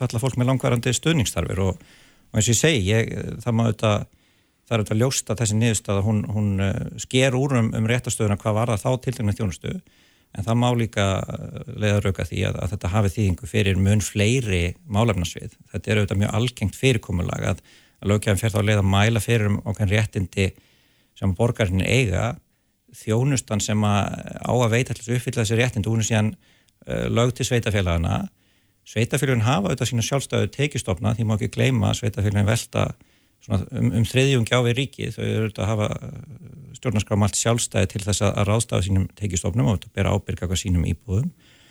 Og um, en, en í mörgum tilvikum að þá, að þá hafa sveitafélagin uh, svona, hvað maður segja, dreyja lappirnar og, og gert ákveðningu ríkið um, um kostnaðin og, og, og niðurstaðan verður ítrekkað svo sama og hefur verið í þessum MPA-máluflokki að, að borgarnir þurfa að býða eftir þjónustu og meðan að mm. það greitt úr þessu, fá hana ekki sko, þegar þú talar um notur orðið býða því þú nú er það þannig að, að, að í þessu máli að það hérna sótti elling um, um sko notundastýrða persónlega aðstóð 4. oktober 2018 þetta er tveggja og háls ás gamalt. Þetta er ferðið sem að vera í 2,5 ár hvorki meirinni minna. Og hérna hann þurfti að dvelja hérna á hjúgrunum heimila meðan það sem var nú svona vakti nú sérstaklega sérstaklega aðtikli auðvitað var það að, að hérna að hjúgrunlega heimili reyndi síðan að að gera hvað heitir að lögtakar það ekki mm -hmm. í, í fastegninans að því hann átti ekki lausafél þess að borga fyrir dölina. Mm -hmm. Þannig að, að, að það búið að þvinga hann inn á heimili og, og hérna raun og veru allir að rífa honum húsið í, í ofanálag. Mm -hmm. Þetta, hvernig standa nákvæmlega þessi mál all núna? Við byrjum bara á því hver er hans staði? Er hann búin að fá þessa þjónustu? Um, undir ekstri málsins að þá, áður en að dómur fjall í, í hérastómi að þá um, var tekinn ákvörnum að hálfu sveitafélagsins að, að gera við Erling hannan samning sem hann var búin að þá býða eftir í, í tvö ár. Þannig að hann nýtur í dag þeirra þjónustu sem hann sótist eftir og fekk það þjónustu áður en að, að dómurinn fjall. Með dómurinn var hins vegar uh, viðkjent vend í fyrsta lagi að, að það hefði verið óheimilt að býða í uh, rúmt ár með það yfir höfuð afgreða umsókn Erlings um nótnastýra persónulega aðstótt. Það var auðvitað það sem að Eh, svona fyrsti, fyrsti þátturinn í málunum snýrst að því að, að umsóknans var yfir höfuð ekki tekið til afgræslu meðal annars vegna þess að því sveitafélagi að það hafði enga þýðingu í ljósið þess að fyrir lág að það voru ekki fjárveitinga til þjónustunar. Þannig að það var í raunum beðið með að verði að, að eh, meðlans móta reglur um aðstóð þessa sveitafélags við, við einstaklingar sem áttur rétt að þessari þjónustu og meðan að verða að vinna úr þessum fjármögnumálum að þá bara beði með afgjöða umsóknuna. Mm. Þetta sagði dómarna að stæðist ekki og hefði fallið sér brot gegn máls að reglu stjórnsýslu réttur eins. Nú, eh, hinn þátturinn er síðan sá að, að, að þegar ákveðin var loksins tekin að þá vorum bundin þessu skilirði, það er að segja að þjónustan var skilirt við það að það kæmu til þessi fjárfanglega ríkisins og einnig það taldi dómarinn ekki standast vegna þess að, að það skilir áttu sér einfallega ekki stóði í lögunum sem alþengi hafði sett um, um þennan rétt og þar í því samfætti segir dómarinn að það megi einu gildagakvært borgarinu hvernig, hvernig uppgjör ríkis og sveitafélag farið fram. Hínlegin á þessu máli er síðan svo eins og nefnir að, að tilkvæðs er þessi nótundastýra persónlega aðstóð og hún er auðvitað til þess að, að einstaklingar sem að hafa þessar langvarandi og umfangsmiklu stuðningstarfur sem veita þennar rétt að þeir eiga einfallega engar möguleika á því að búa á eigin heimili eins og þeir eiga rétt á nema að þeir fái þessa þjónustun á sitt heimili og staðan fyrir Elling og mjög marga aðra einstaklinga sem stöðu var svo að, að þanga til að hann fóra að njóta þess að þjónustu núna í februar síðastlinnum að það átt hann einfallega ekki eh, möguleika á því að búa heima hjá sér. Og við er aðstæður að þá dvaldist hann á hjúgrunarheimili e, auðvitað alls ekki sangat sín eigin ós hann vildi ekki vera þar heldur heima hjá sér en, en hann lendir þarna inn á þessari stofnu vegna hann einfallega hefur ekki þjónustuna á heimilisin sem hann þarf á að halda og þá dettur hann inn í annað kerfi sem er þetta hjúgrunarheimila kerfi þar sem að hann er bæði náttúrulega teknar af honum bætur samkvæmt lögum almann tryggingar sem renna þá bara inn í kostnaði við þessa rekstur þessar stofnar og hann líka gert að, að, taka þátt í kostnaðinu með greiðslu svo nefnda daggjálta mm -hmm. og, og í framhald að því að þá fór á stað mál hjá uh, hjúgrunarheimilinu gegn honum þar sem hann er krafinu þessi daggjöld sem hann getur ekki greitt. Og það er, það er ennþátti meðfra fyrir domstólans ágreiningur Já, þannig að þeir eru enn að sækja að reyna að sviftan hérna, sviftan eignum sinum til þess að fá greitt fyrir þessi daggjöld og þetta er sama sveitafélagi vantarlega og er, er að veitur hún NPA þjónustunni eða hvað? Já, það má segja það að sveitafélagið hafi nú að höfða þrjú dómsmál gegn þessum íbúða sínum. Það eru, í fyrsta lagi hefur það höfðað fyrir landsetti með þessari áfríun dómsmál til þess að nekja þessari niðurstöðu hérastóms og það er ákveðningur um, um þessar ákveðnir sem sveitafélagið sjálf tekið með NPA þjónustunna. Nú síðan hefur hjúgrunarheimili sem að, sem að sveitafélagið auðvitað e, bera lokum ábyrð á þó það sé ekki í formi engar hlutafélags að það hefur tvífis höfða mál gegn þessum einstaklingi til þess að krefja um þessi göld og, og, og sá ágæningur sem segir ennþá til meðferða fyrir dómi. Hefur ekki verið úr hún leist Hvað gerist nú ef að, ef að hérna, einhverju hluta vegna það það mál vinst að hálfu hjúgrunum heimilisins er, er þá maðurinn bara borin út af heimilisinu hver Það væri niðurstaðan ef að ef að, að hjúgrunum heimilið hefur sigur í því máli að þá þarf Elling að greiða mjög háar fjárhæðir sem að hann hefur ekki tökka á að greiða og vantanlega leiki því með fjárnám í fastegninans og hugsanlega með nöðungasölu hennar. Þannig að það er auðvitað bara það er svona það sem aðeins stemt með þeim málatilbúnaði. Þetta er náttúrulega alveg ótrúlegt. Hérna sem maður segir þannig bara sko, það sem er náttúrulega líka merkilegt í þessum dómi hérna flóki er auðvitað að, að sko það er, dómanin nota náttúrulega bara mjög svona hvað maður segja, stert orðalag um framfyrir sveitafélagsins. Mm. Það talar um að það hérna, byggi gerði sínur ólumhættum fórsetnum, þannig að sé ásetningur um ólumhætta meingerð, sagna með háttsemi og svo framvegis. Mm -hmm. hérna, þannig að þetta er ekkit eins og þetta sé eitthvað svona bara, eitthvað svona tölvuvilla, þetta er hérna, að mati dómarnar. Mm -hmm. Alls ekki og dómurinn þetta leggur byggir sína niðurstu meðal hans að þeirri fórsendu til þess að, að, að að greiða miskabætur eins og krafist var í þessu máli og dæmdari hér að þið að það þurfi að vera fyrir hendi stórkoslegt gáleis í sveitafélagsins og það er niðurstaðdómsins að það veri fyrir hendi í, í þessu tilviki og það er auðvitað svona samandregi niðurstaða þegar að virtir heilstætt meðferð málsins. Það er þessi langi, langi dráttur og aðgræslu umsóknurinnar, það er síðan svo niðurstaða binda þjónustöðan þegar hann er loksins veitt, ólögmætu skilir því og auðvitað er undirleikindi þarna það sem dómurinn dregur mjög vel fram Eh, að, að þannig er í húfi grundvallar mannréttindi fallast einstaklings. Og það mjög, farið mjög vel yfir það í þessum dómi hérastóms að, að markmiði með því að setja þessi lögum um þjónustu við, við fallað fólk með langvarandi stöðningstarfir og tryggja í þeim lögum rétt til nótundastýra persónulega aðstofar það er að virka þennan grundvallar rétt fallast fólks til þess að lifa sjálfstæðalífi á sínum eigin fórsundum vera ekki uh, vistað á stopnunum þar sem að búsitformið með öðrum hætti en það vil heldur fóra á því hvað það býr, með hvernig það býr alveg nákvæmlega eins og aðrir þjóðfélagstegnar og þessi réttu var auðvitað algjörlega fyrir borðbórin í þessu máli og mm. í, í öllum öðrum málum sem eru, eru sambærleg þannig að dómun degur það mjög vel fram að vegna þess að það er þessi grundvaldaréttindi húfi sem miklu hagsmunir að þá eru auðvitað stjórnsísla sem að gera það verkum að, að rétturum verður á engu eins og var þetta í þessu tilviki alltaf til þjónustafan veit að það er mjög alvarlegt brot mm. á réttundum fallas fólks Já það sem er líka svona, mann hætti áfram að reykja innan á dónum er svo áhugavert líka að síðan hérna, eru dæmdar bætur mm. þannig eru dæmdar bætur, það eru 700.000 krónur sem mm. maður sér nú ekki sé neinu samhengi við mm. við hérna, þann skada sem að veginn svona utan að frá séð blasir við mm. Já, það má þetta það má þetta hafa álíka skoðunar á því hvernig, hvernig dómafrankvæmt varðandi greiðslu bóta fyrir ófjárhagslega tjón er, er á þessu bíli. Það eru lágar bætur sem eru dæmda fyrir, fyrir ófjárhagslega tjón um, og þetta dómurn er nýðist að hans er alveg samræmi við dómafrankvæmt þessu leiti en mm. það má alveg taka undir það að þetta er ljósi þess hversu ef, ef að hugsa er út í þar aðstæðu sem að, sem að Erling e, bjó við allan þann tíma sem að beigð eftir þessari þjónustu að þá þetta er ekki há fjárhæð í, í, í, í því ljósi það, það, er, það er rétt Nei og sérstaklega ekki ef hann þess veitan að greiða greiða sérstaklega aukalega greiða aukalega fyrir þá þjónustu sem ekki vildi láta veita sér þá er þetta nú eitthvað með svona mm -hmm. Þessar bætur eru aðeins auksætlis að mæta ófjárhalslegu tjónu síðan var með dóminum jáfnframt viðkend bótaskilda Mósvöldsbæjar vegna fjár, fjártjónsins og þar undir eru þetta, þetta tjón sem að, sem að fælst í því að hann, hann, hann þarf að taka þannig þátt í kostnað vegna hjógrunheimilsins mm -hmm. En svo fjárhæð er ekki nefnd, hún er ekki Nei, það nei. er bara um viðkenningu bótaskilda að ræða já, og þá eftir að, eftir að þetta komast að niðurstöðum hver, hvert, hvert er nákvæmlega, hver er nákvæmlega svo fjárhæð sem að það er undir. Mm -hmm.